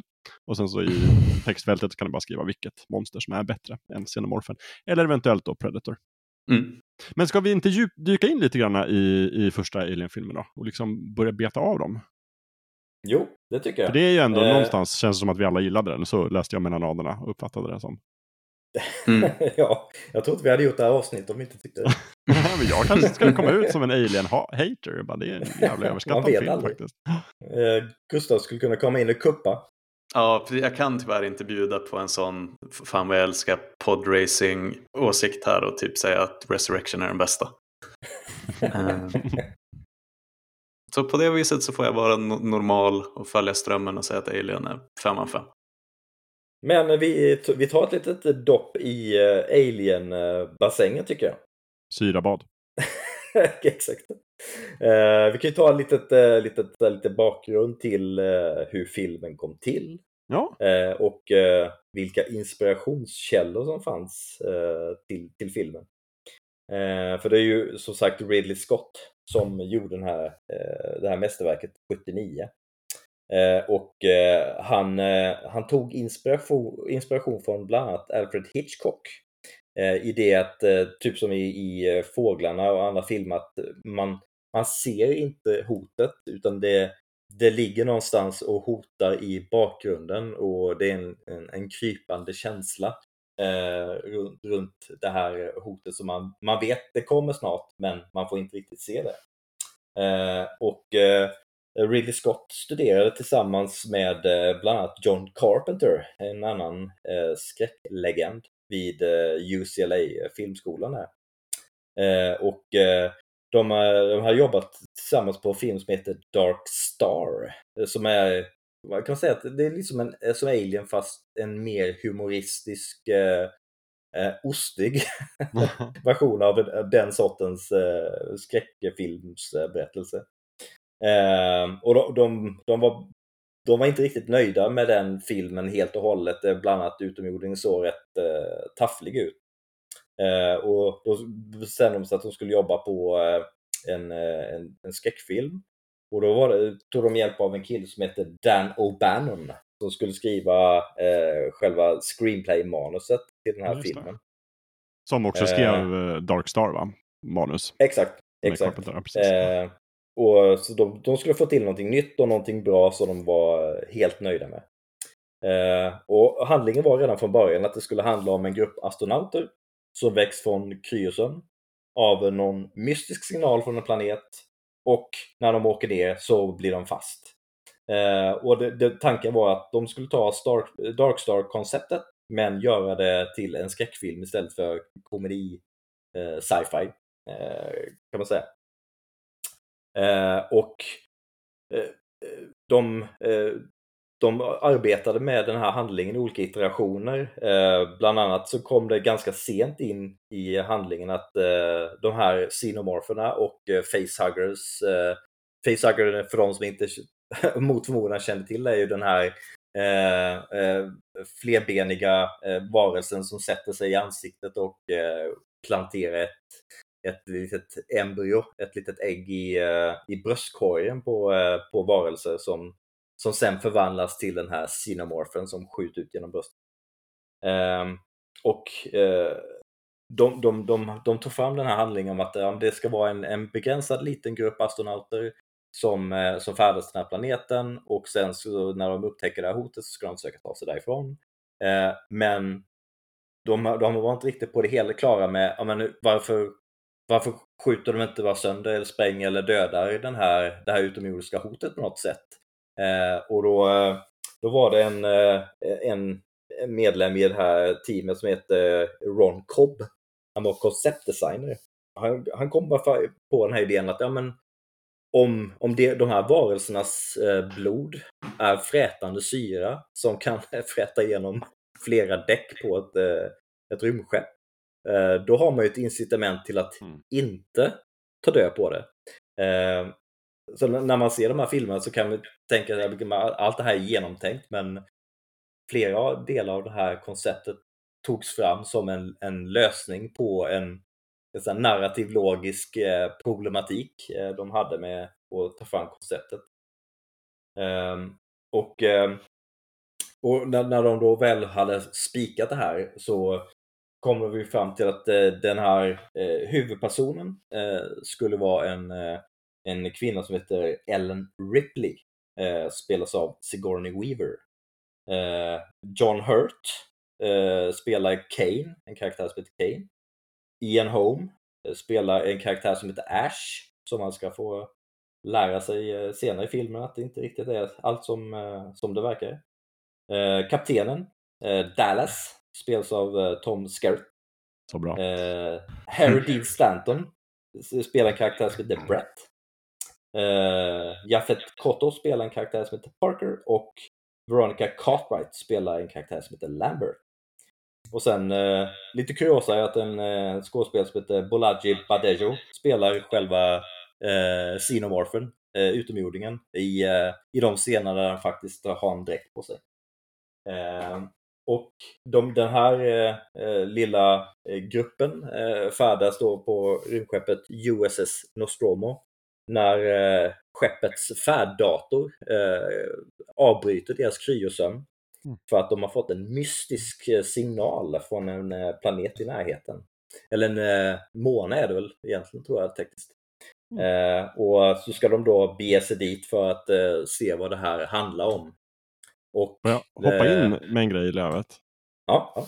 Bara, du, den som avbryter färden det är ju datorn och Mother Mm. Och, och hennes röst, datorns röst, gör, ju- görs ju av en skådespelare som heter Helen Horton. Mm. Vill jag bara säga. Som också är, är mormor eller farmor till eh, skådespelerskan Lily James. Oj, Som ju okej. var med i Downton Abbey. det, dagsaktuella. Mm, Ja, verkligen. ja, precis som också nu är i, vad heter den, Pam och eh, Tommy. Tommy. Tommy. Tommy och Pam, Mm. precis. Mm. Fullkultur är din källa för all möjliga kuriosa. Nu vet ni det i alla fall. Ja, nu vet ni det. Och eh, ja, just det där med färddatorn Mother, det har ju varit en inspirationskälla för eh, andra fulkulturella skapelser också. Ja, Eh, ja, men då, då, då åker de ju ner till eh, planeten och eh, undersöker det här, eh, den här signalen. Och då hittar de ett eh, rum där man kan eh, där man ser flera ikoniska skapelser i eh, Alien-världen. Bland annat de här äggen med eh, eh, facehuggersen i. Och en eh, till synes snabelbeklädd utomjordisk varelse i någon form av eh, stol. Eh, som eh, senare kommer att kallas eh, Ingenjörerna. Eh, som man får lära sig mer av senare i serien. Eh, och då eh, John Hurts karaktär som är en av de som eh, går ut eh, till det här. Eh, eh, Ripley och Ash och några andra är ju kvar på skeppet. Eh, och eh, när John Hurts karaktär tittar på ett av de här äggen så skjuter en facehugger upp och eh, landar i hans ansikte. Eh, och eh, innan man vet ordet av så ringer de in till skeppet och liksom, ah, ni måste släppa in oss. Ah! Och, eh, och Ripley eh, är ju väldigt bestämd i att nej, men det här går mot protokollet. Eh, och Dallas som är ute bland, eh, eh bland eh, expeditionen säger nej, men du måste släppa in oss. Och då går Ash emot, eller då, han går emot Ripleys eh, order som Ripley är kapten, äh, agerande ka- kapten när eh, kapten Dallas är utanför skeppet. Men Ash går emot hennes order och, eh, eh, och då får man ju reda på att eh, han har ju Ash, den här roboten, har ju gått i eh, det on, ondskefulla kommersiella företaget Wayland Yutanis eh, order hela tiden. mm. Eh, då, han, hans order är ju att eh, föra tillbaks den här varelsen till, eh, till Wayland Yutani och alla andra prioriteter är nedprioriterade jämfört med det. Crew Expendable som eh, både färddatorn Mother och, eh, och Ash säger sen när eh, Ripley konfronterar honom. kapitalism i rymden. Jajamän! Kapitali- kapitalism och ondska. Vill, ska jag sticka in med en liten oväntad referens där, Lövet? Mm, mm, gör det. Eh, första, första, karta, första banan i Call of Duty 4 när man är på den där oljetanken på natten. Mm. Det uppdraget heter Crew Expendable. Mm. Och första Mm, gången jag just spelade. Call of Duty 4 så fattade jag inte vad det betydde. Eh, och förstod först långt senare att det var en referens till, till Alien. Yes. Eh, så återigen, hur man liksom bygger en bild av någonting och så inser man långt senare, ah, right, så det var som fan. Nu fattar jag den referensen för, Mm. från 18 år sedan. Precis. Ja. Men det var ett klassiskt instick, fortsätt du. Ja, ja. ja, men just det, just det, det, det, blir lätt fokus på Xenomorphen när man pratar om första Alien i och med att det, är en och den, eh, den hotar dem genom hela resan. Men där, där är också Ash ganska intressant för han, dels är han ju hela tiden Wayla Yutanis eh, eh, infiltratör som ska hämta hem den här varelsen. Eh, men sen börjar han ju också han börjar ju spåra ur när eh, Ripley går emot och de konfronterar honom och eh, de, resten av besättningen daskar till honom i huvudet med en Mm. eh, brandsläckare eller vad det är. Eh, så han, han, men han, man märker att han, han börjar ju spåra redan när Ripley konfronterar honom. Det är lite this does not compute eh, syndrom över honom. Är liksom, han, han kan inte riktigt, hans AI kan inte riktigt hantera det, det här som händer runt omkring honom. Eh, och då försöker han ju döda Ripley med en ihoprullad eh, tidning. Som han tydligen fortfarande har i rymden när man eh, kan utforska universum. Det är ett exempel på Eh. sån här retrofuturism. Ja, ja Där det är precis. så här, ja, vi kan då- åka genom galaxen men datorerna är liksom stora som hela rum och lämnar sig fortfarande dagstidningen såklart. Liksom. Självklart. Ja, Det är, Då den kallas ju- förlåt, jag måste bara säga, det, det är nog en av de få scenerna i den filmen som jag känner påminner lite om när, när typ William Shatner slåss mot dinosaurier i Ja. första Star Trek. Men eh, ja, jag måste också säga att det är så jävla, det är nog den äckligaste scenen i filmen. Eh, när alla där vita pasta alfredo-såsen sipprar ut ur Ian Holm när de inser att han är en android och inte Ja, en människa. Mm, ja, för i den världen är ju eh, androiderna har ju en, en vit sörja som eh, ja, deras motsvarighet till blod eller Mm. eh, eh, maskin, maskinglidmedel. Med smörjolja, precis. Mm. Ja, precis. precis. Ja, jag håller med. Jag, jag tyckte också den, eh, den scenen var ga- ganska obehaglig och tycker fortfarande att den är det just för att man ser hans... Dels får man pre- precis reda på att han, okay, han, är, han har varit en robot hela tiden. Och sen ser man hur, hur snabbt han går över från att vara den här ganska samlade eh, vetenskapsofficeren som man eh, har, har trott att han har varit eh, hela Mm. tiden. Till att verkligen flippa fullständigt och man kan se att eh, han kan inte bearbeta de här instruktionerna som, eh, eh, som hans AI-system matas med. Och va- gå från sansad till att bli sönderslagen av eh, besättningsmedlemmarna. Eh, det, är- det är också en ganska eh, obehaglig scen, skulle jag säga. Mm. Och jag, jag, jag skulle, eh, nu kanske det framförallt är HAL från 2001 som har spett på någon typ av global AI-skepsis. Men jag tror att man får nog också räkna in Ash där. Som har gjort att många är bara lite så, nej magkänslan kring AI är fan inte helt hundra. Nej, och, det, och då kan vi ju gå in på hur, hur mycket i populärkulturen eh, som Alien har in, influerat och vilka, vilka delar av populärkulturen som vi gillar som, eh, som, eh, som filmen har influerat. Eh, och, och där är ju, du, du pratar om 2001 med, som också varit en inspirationskälla till, eh, eh till en hel del till den här filmen. Eh, bland annat utöver eh, eh, Alfred Hitchcock så var ju Star Wars, eh, ja, A New Hope då som den hette senare, 2001. Och eh, Texas Chainsaw Massacre. Det, eh, det, den, var, den stod för själva skräckbiten och de andra lite mer för de eh, sci-fi och eh, Mm. rymdäventyrsdelarna. Men det är ju spännande, man kan ju Eh. se lite grann liksom vilka koncept han har tagit varifrån. Just så här, från 2001, det här är liksom rymdresan som är väldigt så här, långtgående projekt med liksom att man hamnar i kryosömn och liksom att så här, rymdskeppen liksom sakta tuggar sig genom rymden. Och från Star Wars, det här är med liksom in, inbodda rymdskeppet där tekniken är liksom sliten och, och välanvänd och så där, inte alls glansig och skinande som var liksom kanske lite standard Mm. Mm. på den tiden. Och från Texas Chainsaw Massacre då, eh, blod. Blod och en jobbig antagonist. Ja, ja men visst. Och från Gudfadern pasta alfredo-såsen Exakt. i, i eh, Bilbo Baggins.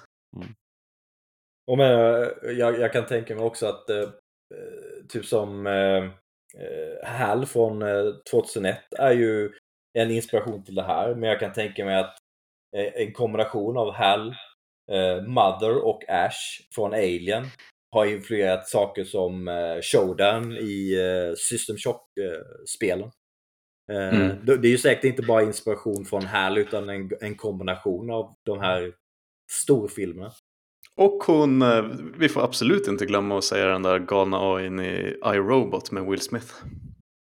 Just Det får vi absolut inte göra. Så, jag vet vad hon heter men jag vill bara inte berätta det för dig. Jag kan allt om den här filmen. Och eh, en, en, en tidig eh, inspirations... eh, En, en tidig, tidigt filmkulturellt verk som jag inte då insåg att det var influerat var ju Metroid. Nintendos sci-fi-serie. Mm. Där det, det finns flera referenser till, till Alien. Bland annat en, en boss som heter Ridley. Eh, en, en referens till Ridley Scott. Men också där att det är det en, en kvinnlig huvudkaraktär som tar sig an eh, universums hot på egen, på egen hand i princip. Eh, nu är inte Ripley själv, men det är ju hon som är den eh, ensam överlevande och eh, genom serien eh, ständiga badassen. Mm. och och det, det var ju också inspirationen till att Samus Aran skulle vara huvudkaraktären bakom rustningen i Metroid. Mm. Mm. Ja, och kollar man bara så här vad, vad själva monstret och så har liksom inspirerat så är det, omöjligt att liksom gå igenom alla de verken som, mm. som på olika sätt har, har, har plockat upp liksom en Cinemorph lookalike som monster. Eller bara det konceptet med liksom en sån här helt okänd, helt skoningslös, enkelspårig livsform som är liksom som ett djur fast väldigt smart och liksom mm. nästan omöjlig att besegra. Ja, det är ju som uh, Ash säger det i filmen. Uh, Its structural perfection is matched only by its aggression. Mm. Is the perfect organism. Och det, det, säger ju mycket om vad det är som är så obehagligt med den med Xenomorphen. Mm. Den är enkelspårig, lever bara för att, uh, för att döda, den har inga, inga betänkligheter, i, i, inga allianser. Den den, dess blod eh, kan fräta igenom ett skepp så du, du mm. vågar inte ta död på den närheten. Det är, liksom, det är ju det är en perfekt organism. Ja. Och eh, senare i serien så kommer ju eh, Ridley Scott gå in lite på det området och eh, försöka förklara det. Men eh, mm. det tar vi i nästa avsnitt.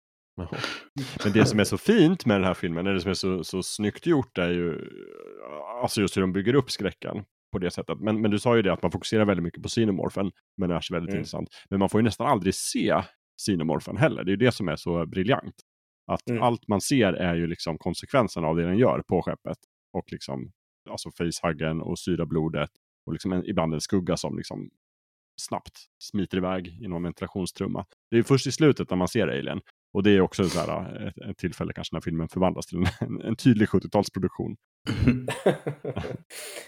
Ja, jo, men det, det är ju det är ju slutet där när eh, eh, jag tror det är för mig att det är Lambert eh, ska springa över och hjälp, hjälpa eh, eh sin, sin eh, gruppkamrat med, som är ansatt av Xenomorphen. Och mm. när, man, när man ser den här Xenomorphen gå över då, ja. det, det, ser väldigt styltigt ut. Men det är egentligen det enda tillfället i filmen där det ser där, det, där man kan verkligen se att okay, det här är en gammal produktion. Ja. Här fanns inte riktigt tekniken till att göra det bättre. Jag tycker också precis i slutet när, när Ripley har åkt iväg i skytten och liksom upptäcker att Cinemorphen står där. Då, då tycker jag också så här, men det här är ju en person i gummidräkt. Det ser man ju tydligt. Ja. uh, men det är också liksom så här, någon, de måste ju visa den såklart. Men, men det är så uh, bra hanterat hur man säger, men vi ska visa den så lite som möjligt och dra ut på det så länge som möjligt. Eh, för det bygger ju på den här otroligt täta, liksom, instängda stämningen. Mm. Ja, shit vad det hjälper eh, att den håller den idag. Ja. Att den ja, inte gör det där liksom mm. det så här gamla Godzilla-filmer. När man bara ser något väldigt tydligt att det är någon i en dräkt som klampar runt i en miniatyrstad. Um, det blir lite när man ser sådana där behind the scenes-foton på han, han som står i alien-dräkten. Så står Xenomorphen där på två ben och typ tar en cigg. Ja. så, du vet, så här, eh, zooma ut från studion och så ser man att Bengt Magnusson sitter liksom i kalsonger och har bara kostym på, på överkroppen. um, det, det, är snyggt att de använder sparsmakat och mm. verkar vara väl medvetna om vad de hade att jobba med på den tiden.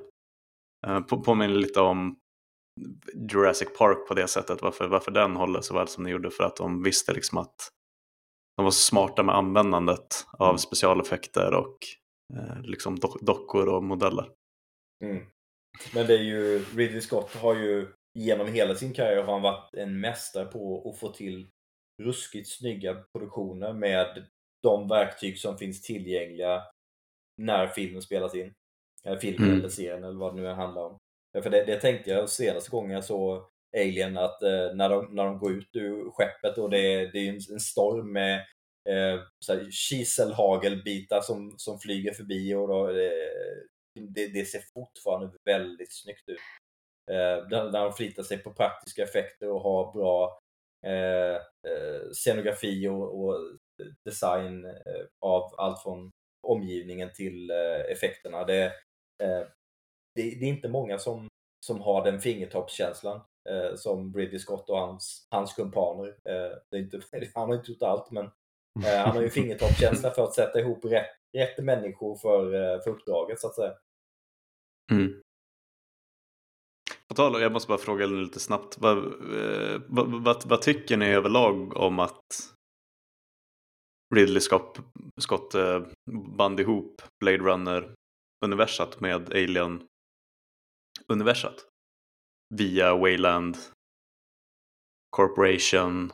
Det finns lite, det är kanske på sin höjd mest påskägg. Men... Ja. Alltså så länge det är på nivån påskägg så har jag inget emot det för då kan jag ignorera det. I övrigt mm. så tycker jag att det är superlöjligt. Du, du tänker inte så mycket på att, uh, att det, det är samma, Nej. samma grej? Nej. Nej, Nej och det, det är ju samma sak. När, när jag såg filmen från början, då visste jag inte om det. Sen har, har ren, rent intresse för båda franchiserna så har jag tagit reda på det. Men inte ens med den vetskapen så påverkar det ju upplevelsen på något sätt egentligen. Mm. Um, det är något, vi måste också prata om karaktären Ridley Scott lite mer tycker jag. För att jag, jag nämnde ju tidigare att den facehugger och chestburster blev ju liksom parodiserade som om igen. Taglinen mm. blev odödlig. Men Ridley Scott är ju verkligen uh, typ liksom uh, det man genom åren refererar till liksom som en stark kvinnlig karaktär. Mm. Uh, det jag tycker Ripley, mycket mer om, uh, precis Ripley. Mm. Så här Ridley. Ridley, det är ju regissören. Ni hör ju mycket. Han är på mitt huvud. Ja, Gubbfan. Just det. Um... Vad heter Ridley i efternamn? Ridley Scott. Ripley Scott. Ripley. Förlåt, mm. Ripley. Hon, hon, heter bara Ripley, hon har inget efternamn. Är det så? Som vi vet. Nej, mm. Nej Ripley är hennes efternamn. Hon heter Ellen. Ja, Ellen Ripley. Ellen Ripley. Ellen Ripley. Um, nu skärper vi till oss. Nu skärper vi till oss, gud. Mm. Um, jag tror jag måste skriva till Ridley Scott så att jag får ur mitt system. Gör det. I just love hur, you. Hur bra du tycker ja. Jack Hawkdown är. Nej, men uh, Ripley. Jag tycker om det engelska ordet mycket mer än alltså, uh, heroin. Mm. Och uh, att hon bara satte verkligen en ny standard för kvinnliga huvudkaraktärer i actionfilmer. Mm. För annars var det mer att de dök upp, antingen så spelar de sidekick eller så mm. var de damsel in distress i typ Birds. Är ett bra exempel. Ja. Mm. Uh, men hon är ju verkligen, och det händer ju i princip alla filmer i hela franchisen, att typ halvvägs in så är hon bara så här, äh, för i helvete. Och så tar hon upp ett vapen mm. och tar över liksom taktpinnen. och säger nu ska vi göra så här. Och alla ni, ni ska bara stå där och hålla er käft. Um, eh, har ju liksom blivit en minst lika stor del av, av Alien-franchisen som Xenomorphan. Sen, sen 79. Det är, inte, det är inte bara att, eh, att det är en välskriven karaktär. För eh, även, även efter när det ska göras starka hjältinnor på film eller serie så, så, så försöker de de försöker trycka fram det lite väl hårt, att liksom, det här är en, en, en badass hjältinna. Mm. Men, men Ripley var ju verkligen skriven så, som, en, som en riktig människa som, mm. som bara liksom, tar upp taktpinnen för att hon är tvungen för att, för att överleva. Och, och, och en, en, stor del av det är också Sigourney Weavers pondus eh, liksom på, på vita duken. Mm. Hon, hon, är ju trovärdig som den här eh, ofrivilliga badassen som som hon blir under filmens gång. Mm. Mm. Men det som är intressant tycker jag, det som jag tror är liksom lite hemligheten till att det funkade så bra, är att när eh, Dan O'Bannon, när han skrev det första manuset, så var inte Ripley tänkt som en kvinna eller som en man överhuvudtaget, utan alla i besättningen var skrivna som, som visserligen hade de manliga namn, men ingen var skriven som liksom specifikt det ena könet eller det andra, utan det stod så här, men man kan byta vilket som helst av de här könen. Mm. Och då tänkte Ridley Scott, okej, okay, men då ska vi ha en, liksom, då ska vi ha Sigourney Weaver som, som Ripley. Så att Och den har okända liksom- Sigourney Weaver Ja, ja, dessutom. ja, det vet jag Mm. faktiskt inte hur de hittade henne, men, men ja, han- han tänkte i alla fall, men då ska vi ha en, en kvinna. Typ. Och, och Sigourney Weaver dominerar ju rollen totalt. Mm. Eh, för sen tycker jag ofta så här när man försöker liksom, när man börjar i andra änden någonstans, här, att nu ska vi ha en, nu ska vi göra en cool kvinnlig huvudkaraktär. Så lägger man in så mycket liksom, värderingar eller försöker liksom bryta mot dem. Men man, det finns alltid det här, liksom, hur är en kvinna, hur är en man? Och här tycker jag alltid man, här ser man liksom att alla de här i besättningen är ju skrivna som människor och inte i första hand liksom dudes precis. eller, eller tjejer. Man har inte gått i den fällan att utan att tanken var, var det motsatta men på något sätt bör- börjar man med kön Ja men exakt. byggde resten. För att jag tror jag har inte sett liksom eh, någonstans tror jag, även bland de mera liksom the more seedy parts of the internet. Så jag tror jag aldrig har sett liksom Ellen Ripley och begreppet Mary Sue förekomma i samma, Ja, samma nej, mening. nej men precis. Utan, Eh. Och det är för att hon, hon är, det är ju en människa i första hand helt enkelt. Liksom. Sen, sen råkar det vara en Mm. tjej, en kvinna. Mm. Och var otroligt cool person också naturligtvis. Och som sagt spelad till perfektion av Sigourney Weaver. Japp. Mm. Eh, Som skulle ha en ganska aktiv roll i eh, sin karaktär under resten av serien också. Mm. Ja, Ja. nej, jag var faktiskt, eh, jag, jag trodde att hon var ett känt namn när hon blev rollsatt i Alien. Men det var väl lite hennes breakthrough. Ja, ja, sen var hon ju det. Ja. Mm. Och sen kan jag också nämna eh, någonting som kanske inte talas om så mycket men eh, Jerry Goldsmiths soundtrack till filmen. Ja, Eh, Det, är- det är ju ganska oansenligt om man tänker. Det, det är ju inga så här jättetydliga låtar eh, på det soundtracket. Inte låtar i den konventionella eh, eh, sättet att se på det men när man, när man ti- tittar på filmen och verkligen tänker på de här atmosfäriska stämningsbyggande ljudslingorna som går. Det är ju väldigt passande för de olika scenerna som, som ljudet och musiken ska underbygga. Det är väldigt mycket sånt soundtrack att när, när någon säger att det bästa, den bästa filmmusiken är den man inte tänker på. Mm. Mm. Eh, Den, den, är, Ja. bara- den är bara där. Jag läste någonstans att han gjorde, alltså att hans, egentligen hans score eller soundtrack eh, var lite mera tydligt när han skrev det. Och sen när de liksom la det på filmen så märkte de att det tar över lite för mycket. Så att vi, de sänkte det på flera ställen och så skruvade de istället upp de här de konstiga, snirkliga miljöljuden för att få lite så här suspensstämningen. Och att det var liksom den, den sista ingrediensen som gjorde att soundtracket verkligen funkar. Att, det blev, att de gjorde det lite mera liksom eh, i bakgrunden. Mm. Mm. Ja, jag köpte ju soundtracket och har lyssnat igenom det ett par gånger. Och, och det är ju verkligen så att när man lyssnar på de låtarna så är det ju inte riktigt som när man upplever dem i filmen. Och det är ju för att just för att Mm. Scott och company de skruvade på Ja, filmen så att den skulle bli så perfekt som den kunde bli. Mm, ja, ja, precis. Och där tycker jag det är en stor skillnad, inte för att gå händelserna i förväg, men jämfört med nästa Alien-film. Där eh, James Horners, han musik är ju betydligt mera liksom eh, bombastisk. Mm. Oh ja, oh ja. Men det kanske är eh, vår cue till att gå över till, eh, till Aliens. Eller Det Alien skulle det kunna vara faktiskt. Eh, Det Ja. var något mer jag skulle säga om första Alien-filmen, men jag kommer faktiskt inte på vad det var. Jag tycker bara den är bra. Mm. Jo, Ja, den eh, är- face, eh, något, en sista grej om facehugger-scenen som vi av någon Mm. oförklarlig anledning inte har nämnt är ju att eh, de var, skådespelarna var också oförberedda på vad som skulle hända i den.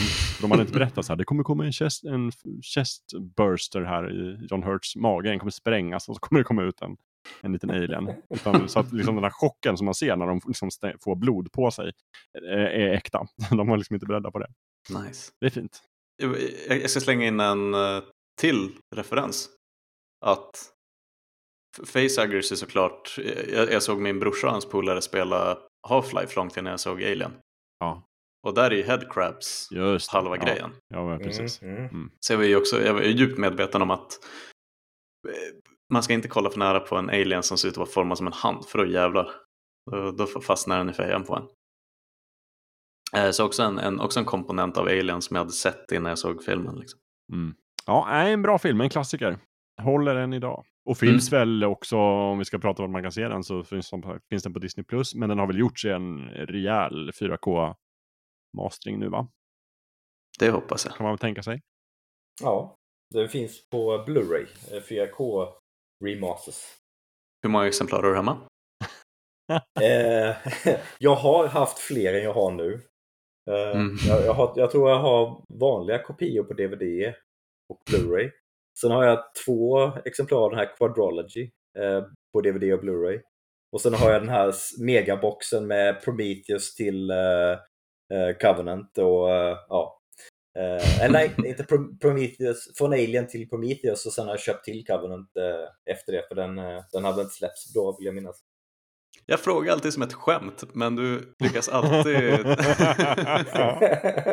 Men jag, jag har faktiskt gett bort ett exemplar av Adrian Quadrology på DVD till eh, en för detta kollega. För jag insåg att jag hade två exemplar av den på DVD. Det känns lite onödigt. Så då fick Mm. han... Men, den- men den samlingen var väl någon form av liksom golden standard för en DVD-box när den kom, vill jag minnas. Oh ja. I fråga om liksom extra material och det var Directors Cut-versioner och extra scener och ja, vilken DVD. Mm. Det saknar vi ändå, tror jag. DVD-boxar. Nu för tiden sätt. ja. Ja. ja. Ja, det gör vi. Ja, inte Lövet då, du köper dem. jag, jag köper ju fortfarande. Men eh, jag tror de, eh, de bara går mot sin eh, utrotning. De där DVD och, eller Blu-ray-boxen. ja, det är inte Eh. The Gilded Age på den fronten. Nej, nej. Det är som eh, Marvel-filmer och Star Wars och sånt. Ja. I, I framtiden vet jag tusen om, eh, om de kommer släppa så mycket sånt på, i, i boxformat. Nej, inte om det bara är de du som haft- köpa dem. Nej. Inte ens om du jag köper kan två köpa exemplar. många exemplar, men inte så många exemplar. Mm. Eh, men ja, eh, nog om det. Aliens 1986. Eh, och då valde ju Ridley Scott att inte upprepa sitt, eh, sitt epos.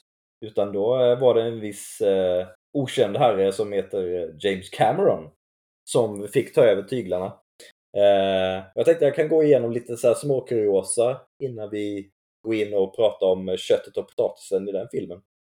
Ja, Jättegärna. Enligt egen utsago fick James Cameron jobbet eh, för att regissera eh, uppföljaren till Alien genom att skriva eh, ordet aliens med ett eh, dollartecken istället för s för pengapåsarna till Fox-chefer. Och Så eh, säljer det man in film. tydligen. Ja, det. Ni kommer tjäna jättemycket pengar på det här. Bara, Jajamensan, du har jobbet. Eh, och eh, han, när han hade fått det här jobbet så skulle han ju då försöka övertyga det här teamet, stora delar av teamet som jobbade med första filmen jobbade också på uppföljaren. Och eh, James Cameron då skulle försöka, eh, som amerikan skulle försöka ja, övertyga dem att ja men eh, jag, jag vet, jag har vad som krävs för att göra en bra uppföljare på det här. Eh, så han, eh, han, han, han anordnade en liten en visning av eh, Terminator. För att han skulle visa dem att ja, men jag, kan, jag kan det här med att slipa ihop en, en bra dramatisk eh, sci-fi film. Mm. Men eh, knappt någon i teamet dök upp eh, på den här visningen. Dålig start. Men eh, det, han, eh, det gick ju ganska bra i slutändan får man ju ändå säga.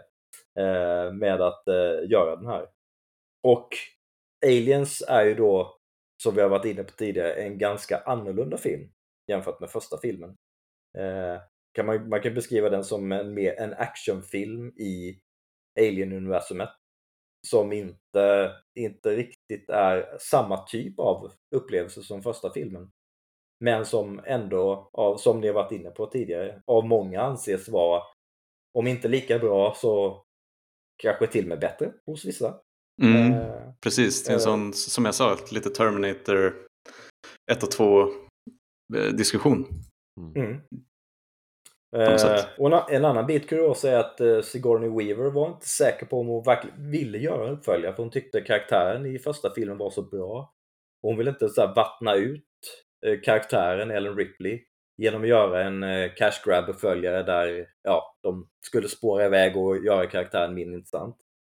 Men när hon läste eh, eh, James Camerons manus så tyckte hon, så ändrade hon sig för hon tyckte den var så Eh, Ellen Ripley var fortfarande jättebra skriven och hon uppskattade det här mor och dotterförhållandet som finns i den filmen mellan eh, Ellen Ripley och eh, Newt som hon kallades, den här unga flickan som de stöter på. För handlingen i korthet är ju att nu är det än en gång ett, ett, en besättning som ska bege sig till den här planeten. Eh, LV426 har jag för mig att den heter. Ehm, och eh, då eh, i, i början på den här filmen så har Ellen Ripley, hon har ju lämnat det här bakom sig och vill, hon, hon står inför rätta för att hon har sprängt USS Nostromo och, och den här jättedyra leksaken, tillgången för eh, Wayland Yutani, det, det ses inte på med blida ögon. Eh, och så hon, får, hon eh, fråntar sin, sin rätt att eh, vara pilot i, i, i, i tjänst. Men hon får ett erbjudande. Om du åker tillbaks till eh, LV 426 och hjälper det här teamet som ska åka dit, eh, då kan du återinsättas som eh, eh som pilot. Och eh Eh, då medan hon eh, är avstängd så eh, ägnar hon sig åt att eh, eh pilota sådana här tvåbenta exoskelettlastare som, som ska komma och spela en roll i slutet av filmen. Kan man säga. Och hon är ju, hon är ju skeptisk men ja men jag, hon, hon till slut kom, kom med på att ja, men okej, jag, jag får följa med. Eh, och på väg till den här planeten då får hon ju stöta på eh, gruppen och eh, Wayland Yutanis eh, eh, till synes sympatiska eh, eh, representant som spelas av eh, Paul Reiser. Eh, men som, som man kan förvänta sig med de här eh, pengastinna, pengagiriga företagen så är han ju inte riktigt eh, vad han utger sig för att vara. Eh, men eh, återigen så har ju, har ju James Cameron lyckats skapa en, en uppsättning karaktärer som känns som, som människor och inte stereotyper. Och samtidigt så är de ju väldigt annorlunda jämfört med, med första filmen. Du har ju humoristiska karaktärer, du har andra eh, hårdnackade badass-karaktärer och eh, ledarfigurer och eh, ledarfigurer som, som ska vara ledarfigurer men inte är det. Eh, och då åker de ju ner till eh, LV 426 där det har etablerats, sen händelserna i, i första filmen har det etablerats en, en koloni där. De ska terraforma planeten så att den är beboelig. Och sen tappar de kontakten med eh, den här eh, eh, eh, Hadleys Hope som den här kolonin heter. Och då ska de ju skicka dit eh, det här teamet med eh, Ellen Ripley som eh, en slags konsult eh, till den här planeten. Och när de väl kommer dit så inser de ju varför de har tappat kontakten. Eh, och det är ju en viss Xenomorph, eh, ett visst Cinemorph-släkte som är inblandat i det här. Det finns en viss, en, en viss eh, eh, liksom, närvaro av blodtörstiga aliens. Eh, det är det som är så smart med, med titeln också. Att första filmen har en och andra filmen har flera. Ja. De tänkte till, kan man säga. Aliens. Verkligen, smart. Jag fyller i lite där bara om Sigourney Weaver, Lövet. Mm. Uh, för du sa ju att hon var tveksam till att göra den. Men, men uh, hon och uh, James Cameron hade ju ett så himla bra första möte tydligen. Där de verkligen mm. så klickade direkt och kom överens. Och sen hade hon ganska mycket input på just karaktären. Mm, väldigt mycket. Att, hon, att han mm. liksom lyssnade på henne, det var ju fint gjort. Sen var det nära att hon inte fick vara med ändå. Därför att Fox tyckte att de tog, ville ha alldeles för mycket pengar. Mhm. Mm. För att vara med i filmen. Så de, var så, de ville gärna så här, men vi kan väl bara peta henne. Och då sa James Cameron, nej, då, då blir det ingen Aliens-film. Då blir det inga dollartecken för er. Jag måste ha, jag måste ha Ripley. Jag måste ha Sigourney Weaver. Och det var ju mm. en korrekt bedömning tycker jag. Det, det kan man säga.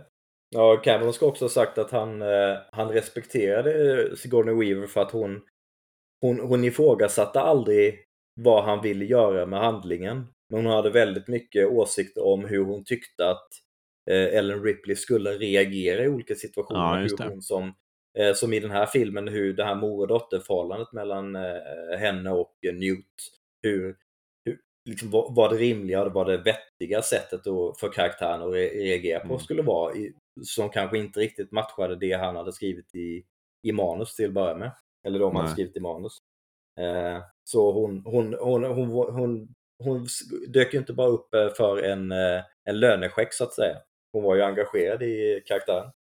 Men på tal om manuset Lövet, för jag tycker att en av grejerna som Cameron gjorde så smart i tvåan, för du nämnde ju Paul Reiser som spelar Burke, Mm. eh, som är Wayland Yutani reppen. Lakejen. Att, lakejen, precis. Att eh, det är som kontrast för att i, i Alien så har du då eh, liksom Bilbo, Ian Holm, som är lakejen, men han, han är eh, Past Alfredo android. Men att i Aliens då istället så är det den mänskliga Burke som är skurken medan eh, Lance Henriksen dyker upp som Bishop som är liksom i, Aliens får vi istället den, den snälla sympatiska androiden eh, som, slåss, som slåss på Ridleys sida liksom. Ja, ja, precis. Mm. Och Och det- Ridley det är är ju naturligt eh, skeptisk till honom. Med, Ja men precis efter första filmen. Ja. Mm. Eh, Så, så så jag tycker att det är en läcker, eh, det, det är ett bra användande av uppföljare i, liksom, inom samma filmserie. Mm. att vända lite på det. Ehm, och jag, jag, det känns inte sökt heller utan det, det tillför ganska mycket till, till handlingen. eh, Ja, på, på ett fint sätt. Mm. Och kan vi bara där också, kan vi bara stanna upp där och säga till varandra hur, hur otroligt bra Lance Henriksen är. Ja, Jättebra. Fantastiskt bra. Ja. Han var ju, han är också med i, han är en sån här gammal James Cameron-favorit. Han var ju med i Terminator och spelade polis.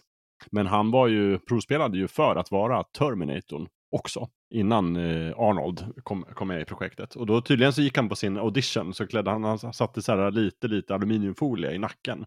Som stack ut lite sådär. Man skulle se lite. Och sen så gick han och satte sig i väntrummet och bara var en robot. Och skrämde skiten ur alla för att Han var så otäck.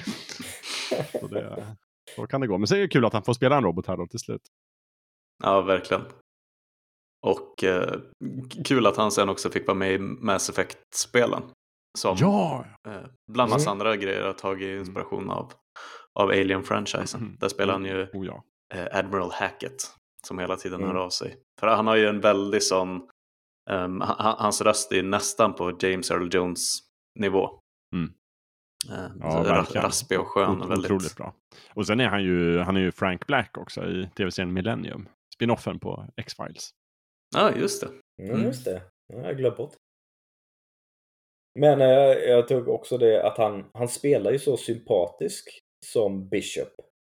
Men eh, som tittare och precis som Ripley så är, är man, sitter man ju ändå, alltså första gången man ser filmen sitter man och funderar på om men är han verkligen så sympatisk eller är det här bara ett, ett ja, spel? Ja. Mm. Mm. och sen så får man ju reda på under filmens gång att jo, men han är ju faktiskt en av, en av hjältarna här. Mm. Ja, nej, jag tror att den byggde, precis som att första, att Alien blev en breakthrough för eh, Sigourney Weaver, så tror jag att många, eh, må, många gillar nog Lance Henriksen väldigt, väldigt mycket. Um, och jag, jag tror att Aliens bidrog till den folkkära eh, stämningen som råder kring den, kring den skådisen. Han är gammal nu, han är 81 bast. Oj, oj. Eh, tiden går fort när man har kul. Ja, han har gjort otroligt mycket filmer. Det har han. Mm.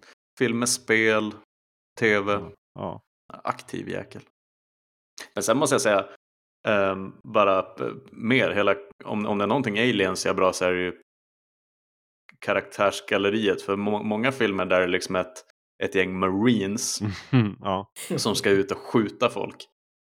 Så handlar det kanske mest om det, det är liksom Arnold plus åtta till.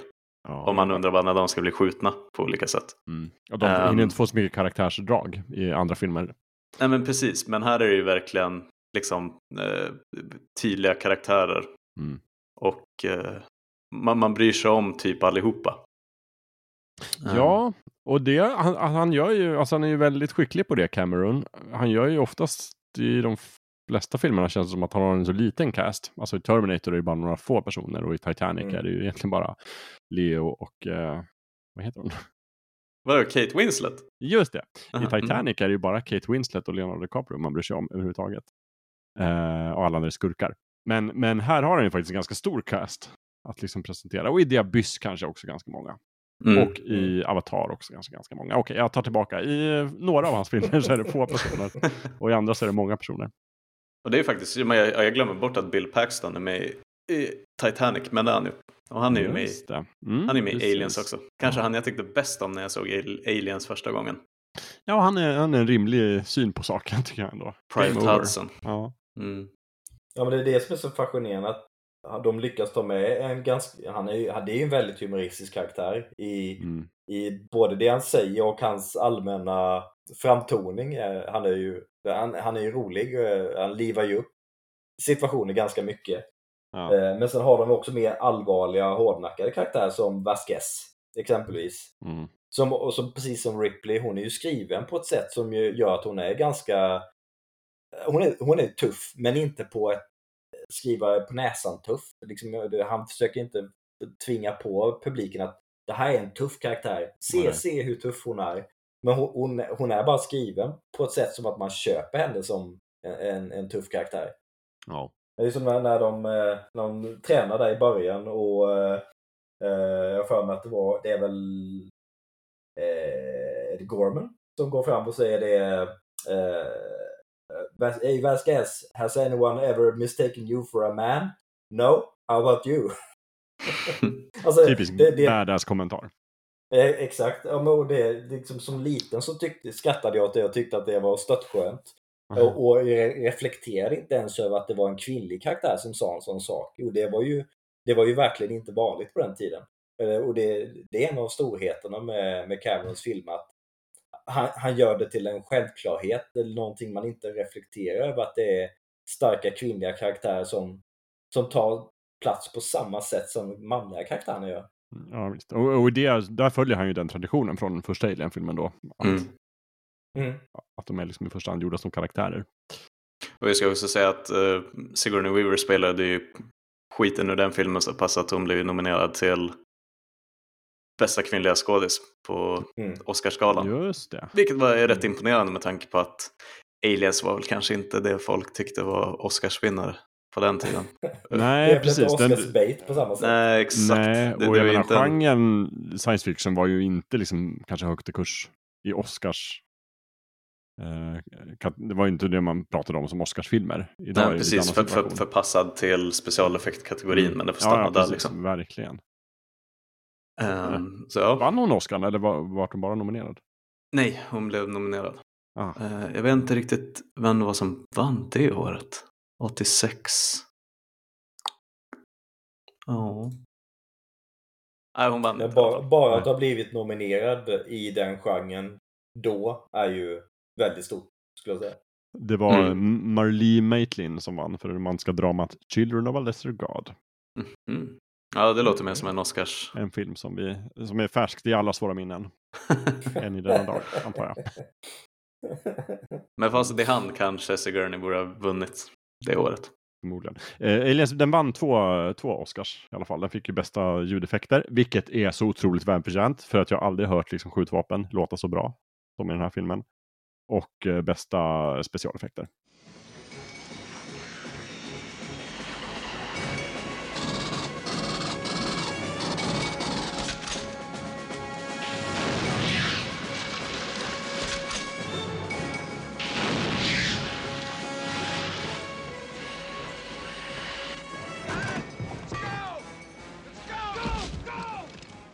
Det, har ju, vi, har, vi har ju varit inne på att det, det är ju att Aliens är mycket mer av en, en actionfilm. Det, är ju, det finns ju, de ställer upp Centrogun som, som mörsar ner eh, horder av eh, Xenomorphs.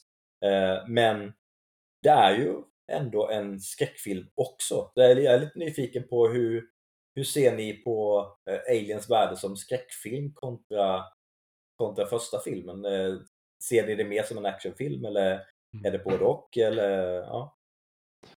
Alltså, jag ser det mer som en actionfilm, men samtidigt som sagt, mitt, mitt minne av att se den för första gången var ju just hur liksom adrenalinhöjande och liksom otäck den var. Men, men jag ser det nog inte rent som en ren skräckfilm. Alltså man får väl dela upp skräck kanske i olika undergenrer.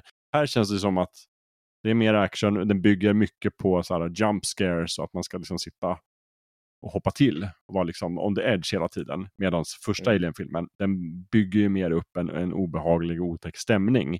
Mm, psykologisk och, och, skräck. Och Ridley Scott visar liksom de här tomma korridorerna och det är jävligt otäckt därför att vi hela tiden tror att det ska kunna komma en alien eller liksom någonting händer. Medan här Mm. är det ju så här, liksom en alien dyker upp bakom huvudpersonen och vi ser det, vi publiken ser det, men de ser det inte och vi liksom ah, mera, jag vet inte, ja, hoppas min analys var tillräckligt detaljerad. Nej men jag förstår, men, och, och det ligger ju mer i eh, James Camerons natur att åtminstone på den tiden att, att göra li, lite mer av en popcorn-biofilm. Ja, högt tempo. Precis, eh, Mm. liksom en, en, en actionrökare. Jag, jag tycker att det är, en, det är en skräckfilm på samma sätt som att du kan klassa eh, Predator som en skräckfilm. Ja, eller Terminator. Eller Terminator för den delen. ja, ja. Ehm, att det, det, det, finns definitivt skräckelement i den. Mm. Men, men gru, grunden är en, han har väl till och med kallat det för en krigsfilm. Oj, ja. tror jag. Eh, är Camerons idé om vad aliens är för någonting. ja. Ehm, men, men jag tycker verkligen att det, det är något typ av genreförskjutning från alien till aliens. Men jag tycker att det, passar, det, det funkar så otroligt bra i, och även i, i, i handlingen och i, i världen liksom. Att Ja. hon, hon överlever alien, hamnar liksom i någon typ av kryosömn i en herrans massa år. Och det första som händer när hon vaknar upp efter typ ett halvt sekel att de säger okej fuck it, då drar vi tillbaka. Och, och att hon så okej, och så åker de tillbaka. Men att eh, liksom för eh, karaktärsutvecklingen för Ripley, att hon, hon är med om någonting väldigt traumatiserande och hårresande och skräckfyllt. Men sen har liksom nyhetens behag lagt sig lite. Och i Aliens är hon på många sätt bara mest förbannad. Mm.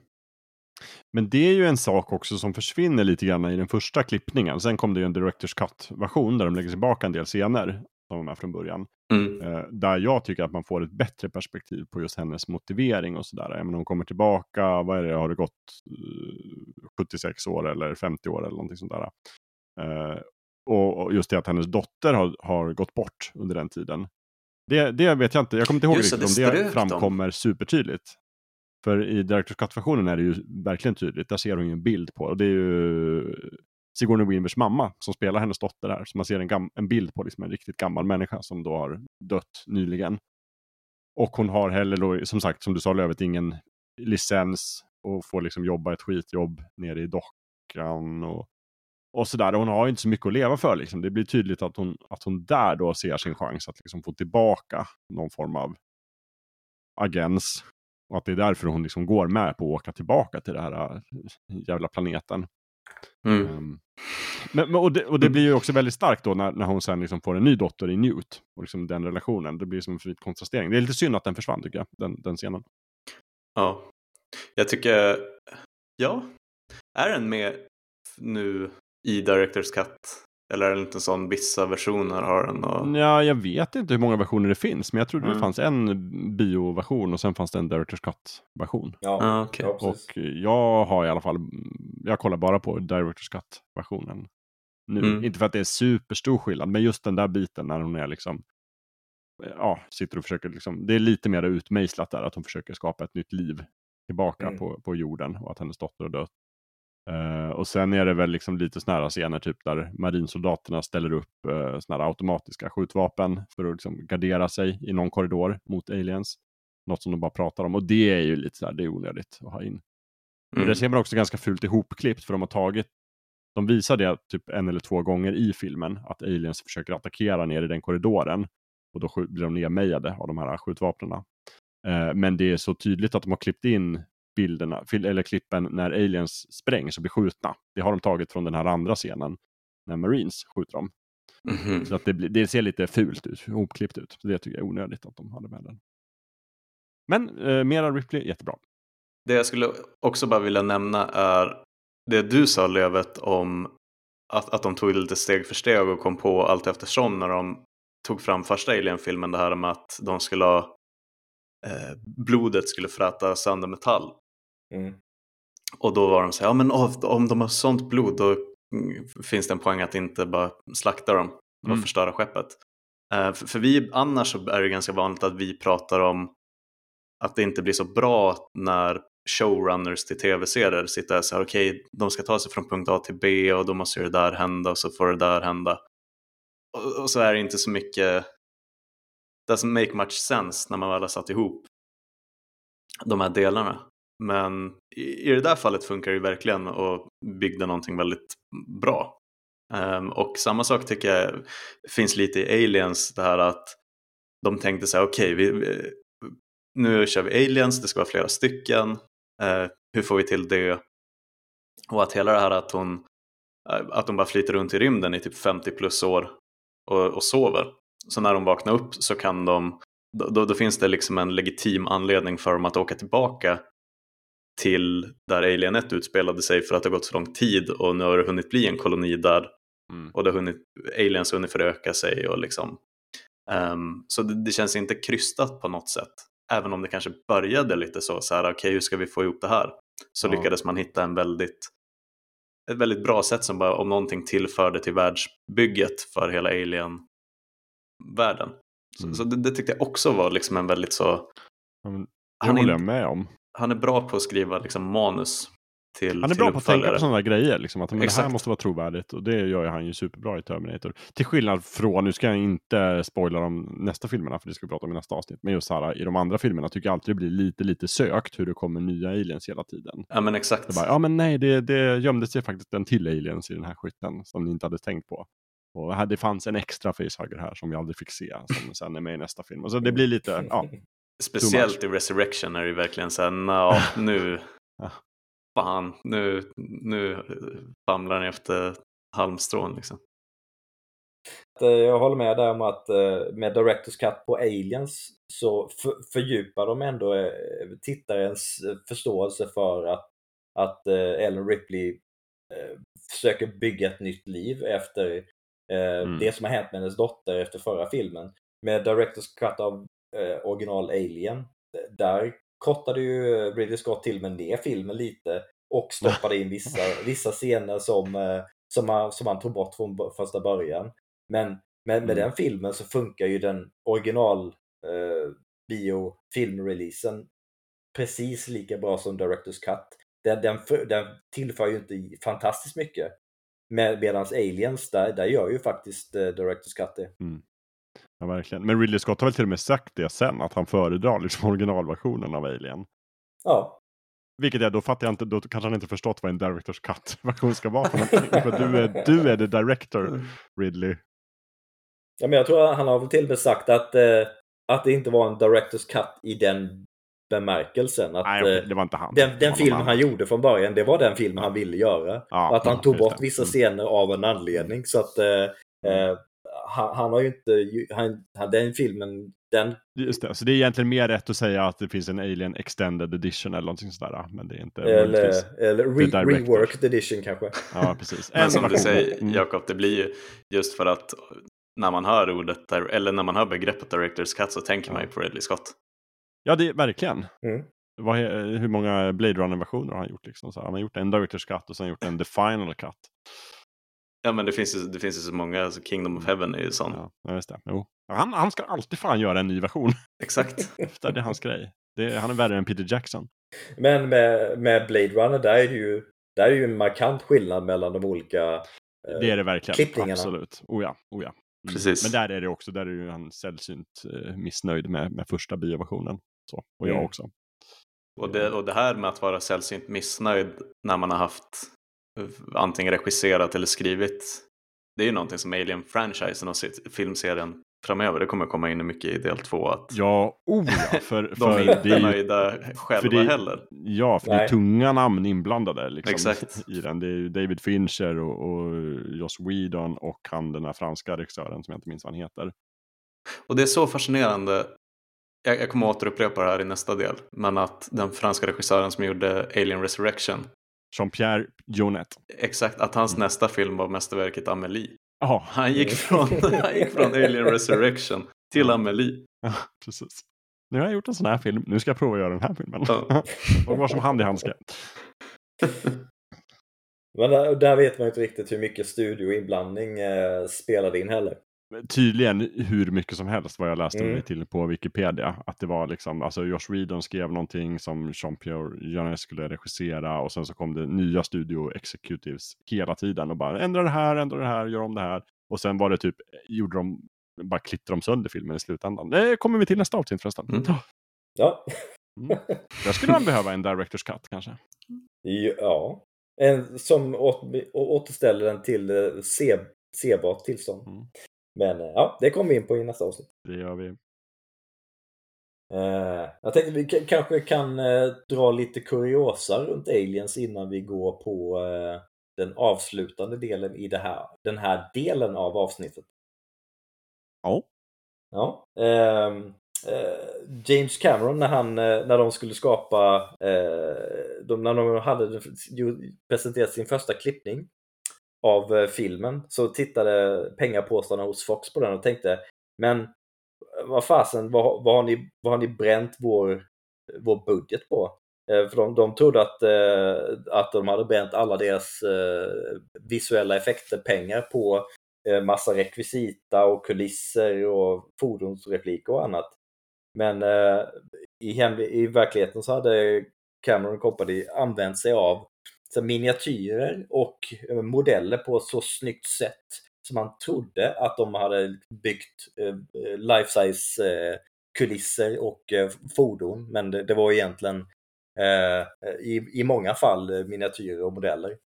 Eh, och, eh, och sen så använder de ju den här, det här berömda eh, fordonet, eh, eh, transportfordonet eh, som de eh, använder när de kör in i eh, det här komplexet.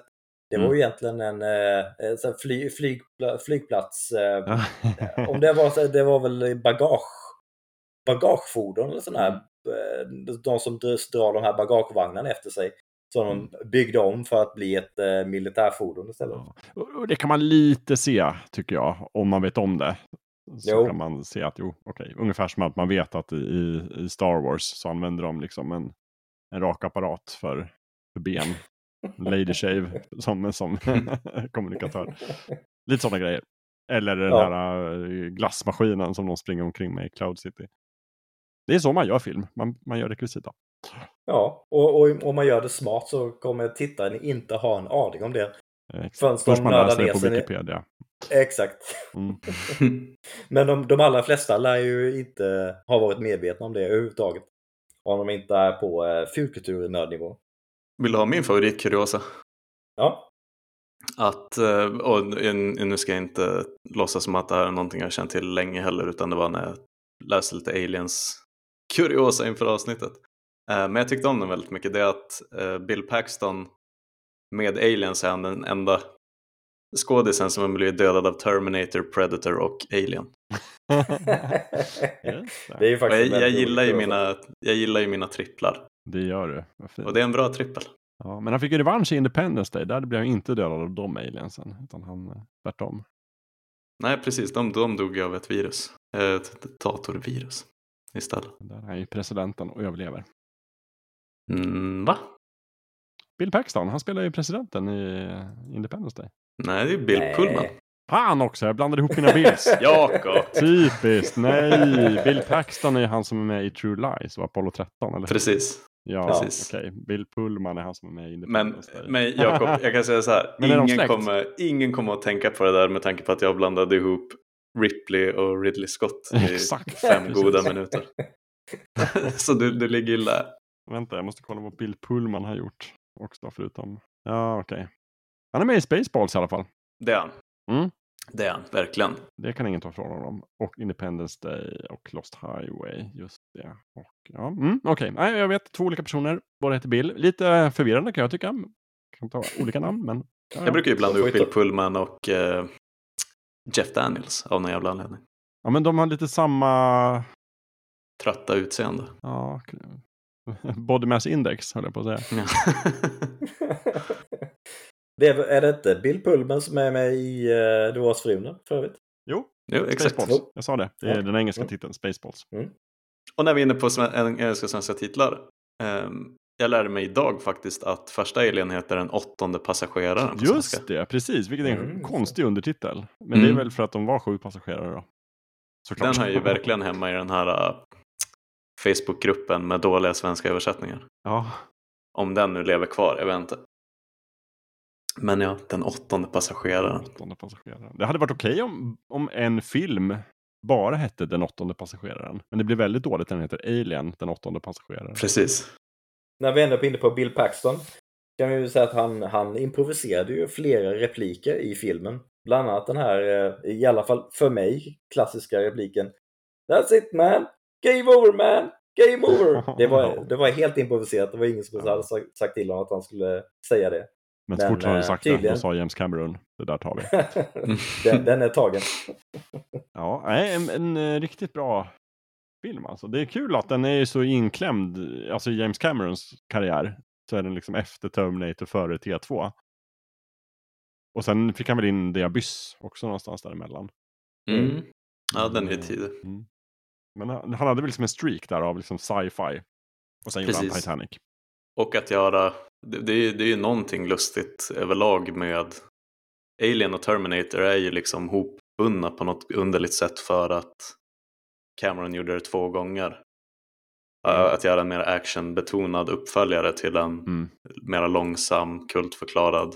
Ja, ja, precis. Det var bara det. I Terminator så gjorde han det på sin egen film och i Alien så gjorde han det på Ridley Scotts film. Ja men exakt. Mm. Så att det, det känns nästan som att i en parallellt universum så har vi liksom en Blade Runner 2049 som bara släpps ett par år efter den första. Just det, av, Av James Cameron. ja, precis. Just det, wow, undrar hur den skulle bli. Förmodligen skitbra. Ja. Han var, ju- Ja. vi visste ju verkligen vad han gjorde på Det den är så tiden. roligt för övrigt om man kollar på Wikipedia på James Cameron filmografi. Så har han gjort liksom eh, ja, men Terminator, Aliens, The Abyss, Terminator 2, True Lies, Titanic.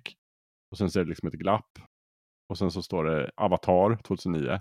Och sen står det liksom kommande. Avatar 2, Avatar 3, Avatar 4 och Avatar 5. 2022, 2024, 2026 och 2028. Alltså, han har liksom verkligen så här, helt fastnat i Avatar. Och, Men Avatar. näst, nä, nästa avatar ska ju ha, innehålla story-element eh, som eh, baseras på hans andra passion som han ägnar sig åt i ett gäng år där. Nämligen att, att dyka väldigt, väldigt djupt i havet. Åh, oh, just det. Ja, det ska ja, vara en, eh, nya ett större passion. havsfokus i, eh, i nästa avatarfilm. Jag har också för mig att eh, jag läste o- också nu inför avsnittet att typ Michael Bean skulle vara med i Avatar. Jaha. Men att han inte fick för att James Cameron ville inte att man skulle dra för mycket associationer till aliens.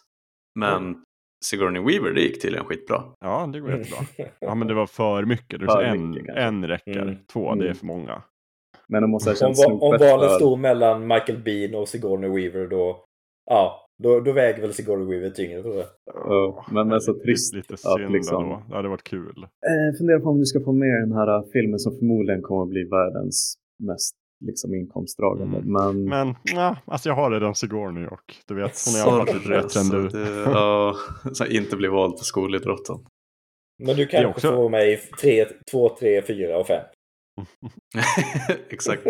Vi får, se, vi får se hur det går. Det är också intressant att, att James Cameron av alla människor plötsligt börjar bry sig om det där. Att ha liksom inte samma skådespelare i alla filmer. Eftersom att han Ja, har jo. alltid samma skådespelare i alla filmer. Mm. Ja, men det hade varit som att typ Christopher Nolan plötsligt slutar svara när Michael Caine ringer. Ja, precis. Ah, då, nej. Men På det sättet tycker jag nästan att vi bara kan loopa tillbaka supersnabbt till Alien att bara skådisarna i första Alien-filmen är så fascinerande blandning. Ja, Att det liksom är Sigourney Weaver är en av hennes första roller. Sen har vi liksom Mr eh, Lynch, Harry Dean Stanton. Mm. Mm. Eh, John Hurt, Elefantmannen. Ian Holm, Bilbo Baggins. ja. Jaffet Kotto, eh, Kananga från Live and Let Die. Ja. Alltså det, det är som fascinerande poster att kolla på med alla karaktärerna som är så här. uh, Hur fan kan ni vara samlade under samma tak? Ja, Mm. men det kunde man på 70-talet.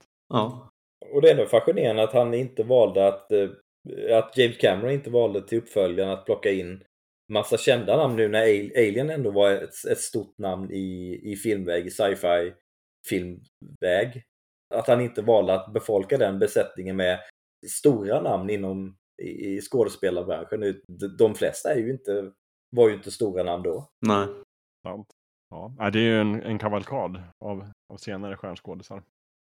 Det var väl John Hurt var väl den som var kanske störst skådis då. Ja, Ian Holm var väl också ganska ja, han har säkert, han har säkert gjort ett, en och annan mm. den film. Ja. ja. Men jag menar, det är ju konstigt idag då om man kanske framförallt känner igen Ian Holm som, som Hobbit. Eller som mördaren i den här uh, Jack the Ripper-filmen, som jag inte minns vad den heter, From Hell. From Hell? Hmm. Ja. Mm, just det. Ian Holm, Jack the Ripper. Ja, men han är nog mer känd som Hobbit. Som Bilbo skulle jag säga. Sant. Man kommer alltid vara Ash för min del. Hörni, vi har hållit på i cirka två timmar och 20 minuter. Eh, mm. Jag tycker vi gjorde en ganska bra bedömning i början om att vi skulle nog hinna prata om första och andra filmen och lite runt omkring. Mm. Eh, och vad tror ni om att vi avrundar det här avsnittet nu? Och så fortsätter vi Alien-resan eh, inom kort med del två. Och då går vi igenom Alien 3, David Finchers och Alien återuppstår. Eh, vad han heter, Jean-Pierre Jonet. Och vi hinner prata Alien vs Predator och vi hinner prata Isolation ja, kanske? Och Prom ja, Isolation ah, vi prata om. Ja, och Prometheus, Prometheus och mm. Alien Covenant. Och så ska vi nämna eh, den Alien 5 som aldrig kom. Mm. Och så ska vi prata lite, lite övrigt om Alien. Det, det ja. fyller vi ett avsnitt med. Mm. Och det blir då ett extra avsnitt som kommer liksom lite snabbare än normalt. är vår ja. ambition. Precis, så nu, vi började med hyllningen och nu kommer sågningen. Vad tror ni gör vi en Peter Jackson så är bara nej det blir tre delar. Ja precis, just det. Och det kommer komma på Disney+. Plus. Mm. och det kommer också vara liksom ett, ett grovt snedsteg. Ni kommer få eh, liksom Prometheus Part 1 och Prometheus Part 2. Just det, vi, vi delar liksom den onödiga uppdelningen. Och vi kommer också vara så här helt väldigt ambivalenta om så här, bara, är det här en uppföljare till del 1 avsnittet eller inte? Nej, det är mer som en, liksom, en ny story fast i samma universum. Mm. Eller ett annat universum förresten. Eller nej, det är en prequel. Ja, men det, det låter som en ut, utmärkt plan tycker jag. Det tycker jag också. Har, har vi riktigt tur innan vi får med eh, nog mera pass på videolänk också. Just det, det vore någonting. Men det lovar vi inte. Den håller vi Nej. som ett... Mm. Precis. Inbjudan är skickad i alla fall, får vi se. Mm. Bra. Bra. Uh, jag har inget mer att säga för nu då i så fall, utan detta var del 1 och på återhörande i del 2. Om ja, Alien från Furtur. Ja. Vi shower oss ett tag till. Perfekt. Då hinner, ni, då hinner också alla lyssnare kolla om Alien-filmerna mellan det här avsnittet och det andra. Så hinner de se de liksom Alien-delarna som de vill se. Mm. Eller liksom fylla i vissa luckor. För många har ju kanske inte sett alla filmerna. Förhoppningsvis är det en person där ute som äntligen ser första Alien-filmen åtminstone. Amanda, eller vem tänker du på? Ja, och om hon inte har sett den så för all del. Men jag, jag tror inte det. Det låter som en film hon skulle kunna säga att ja, men jag har inte sett den. Nej. Men jag tänker mig att... Eh... Ja, du, tänker en, en du tänkte inte på någon speciell, jag fattar. Mm. Ja, precis. Mera John Doe där ute. I... Mm. Den, den typiska fulkulturlyssnaren har kanske sett Alien 1. Men någon har nog inte någon gjort det. har inte gjort det. Så den personen har ju nu fått kanske lite... Ja, fått en del av filmen spoilad först, men kanske också fått ett intresse väckt. Ja. Mm. ja men lite som ni var inne på där med att eh, de här, den här checklistan av filmer man borde ha sett. Mm. Kanske det är någon som blir inspirerad till att ja, men den har jag fortfarande inte sett. Nu är det dags. Nu, är nu, det nu har jag lyssnat på det här avsnittet, nu ska jag banne mig se, om de här, se de här filmerna eh, för första gången. Precis, jag har sett Casablanca, jag har sett Gudfadern, men jag har inte sett Alien. Mm. Då, är det, då vet ni vad ni ska göra i helgen. Mm. Så är det. Men vad bra. Tack för detta avsnitt, kära lyssnare. Och tack för eh, detta avsnitt, kära panel. Ja, tack själv. Vi hörs. Det gör vi. Det gör Puss och vi. kram. Puss och kram. Puss och kram. Hej. Hej.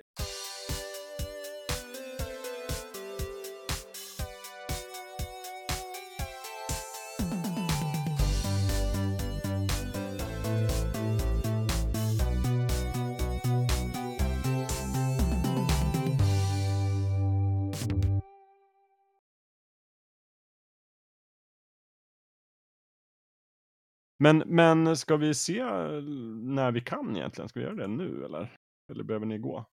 Eh, Nej, vi jag ska, jag, ska ju bara, jag ska ju f- f- fyra upp Cyberpunk efter det här hade jag tänkt. Just ja, bra. Alltså, Åh, jag kan nog mys- jag är egentligen- glad över att du köpte det.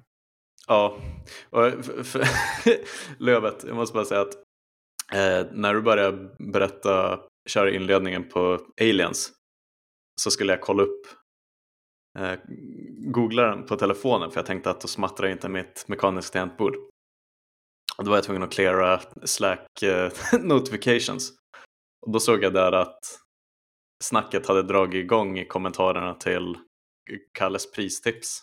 Det var ju där du hade skrivit Jakob att du skulle att du hade Ja, köpt just det. Ja, ja, precis. Och så såg jag att eh, eh, Åkered hade skrivit att det var dåligt replay value. Och då utan att tänka på det medan du pratade om hur, hur aliens kom till så började jag svara på Emil. Och alltså, jag är inte mindre än Witcher 3. bla, bla. Och sen plötsligt så var jag så här, vad, vad fan håller jag på med? Så bort, slängde bort telefonen och kom tillbaka till, kom tillbaka till inspelandet. Det var högst omedvetet. Jag, jag raderade faktiskt meddelandet för jag tänkte att Fan, han lyckades trolla dig helt enkelt. ja, jag trollade mig i livesändning. Å, Åkered, den jäkeln. Var det därför det, jag hörde något så här fräsande ljud? Var det din hjärna som kokade där?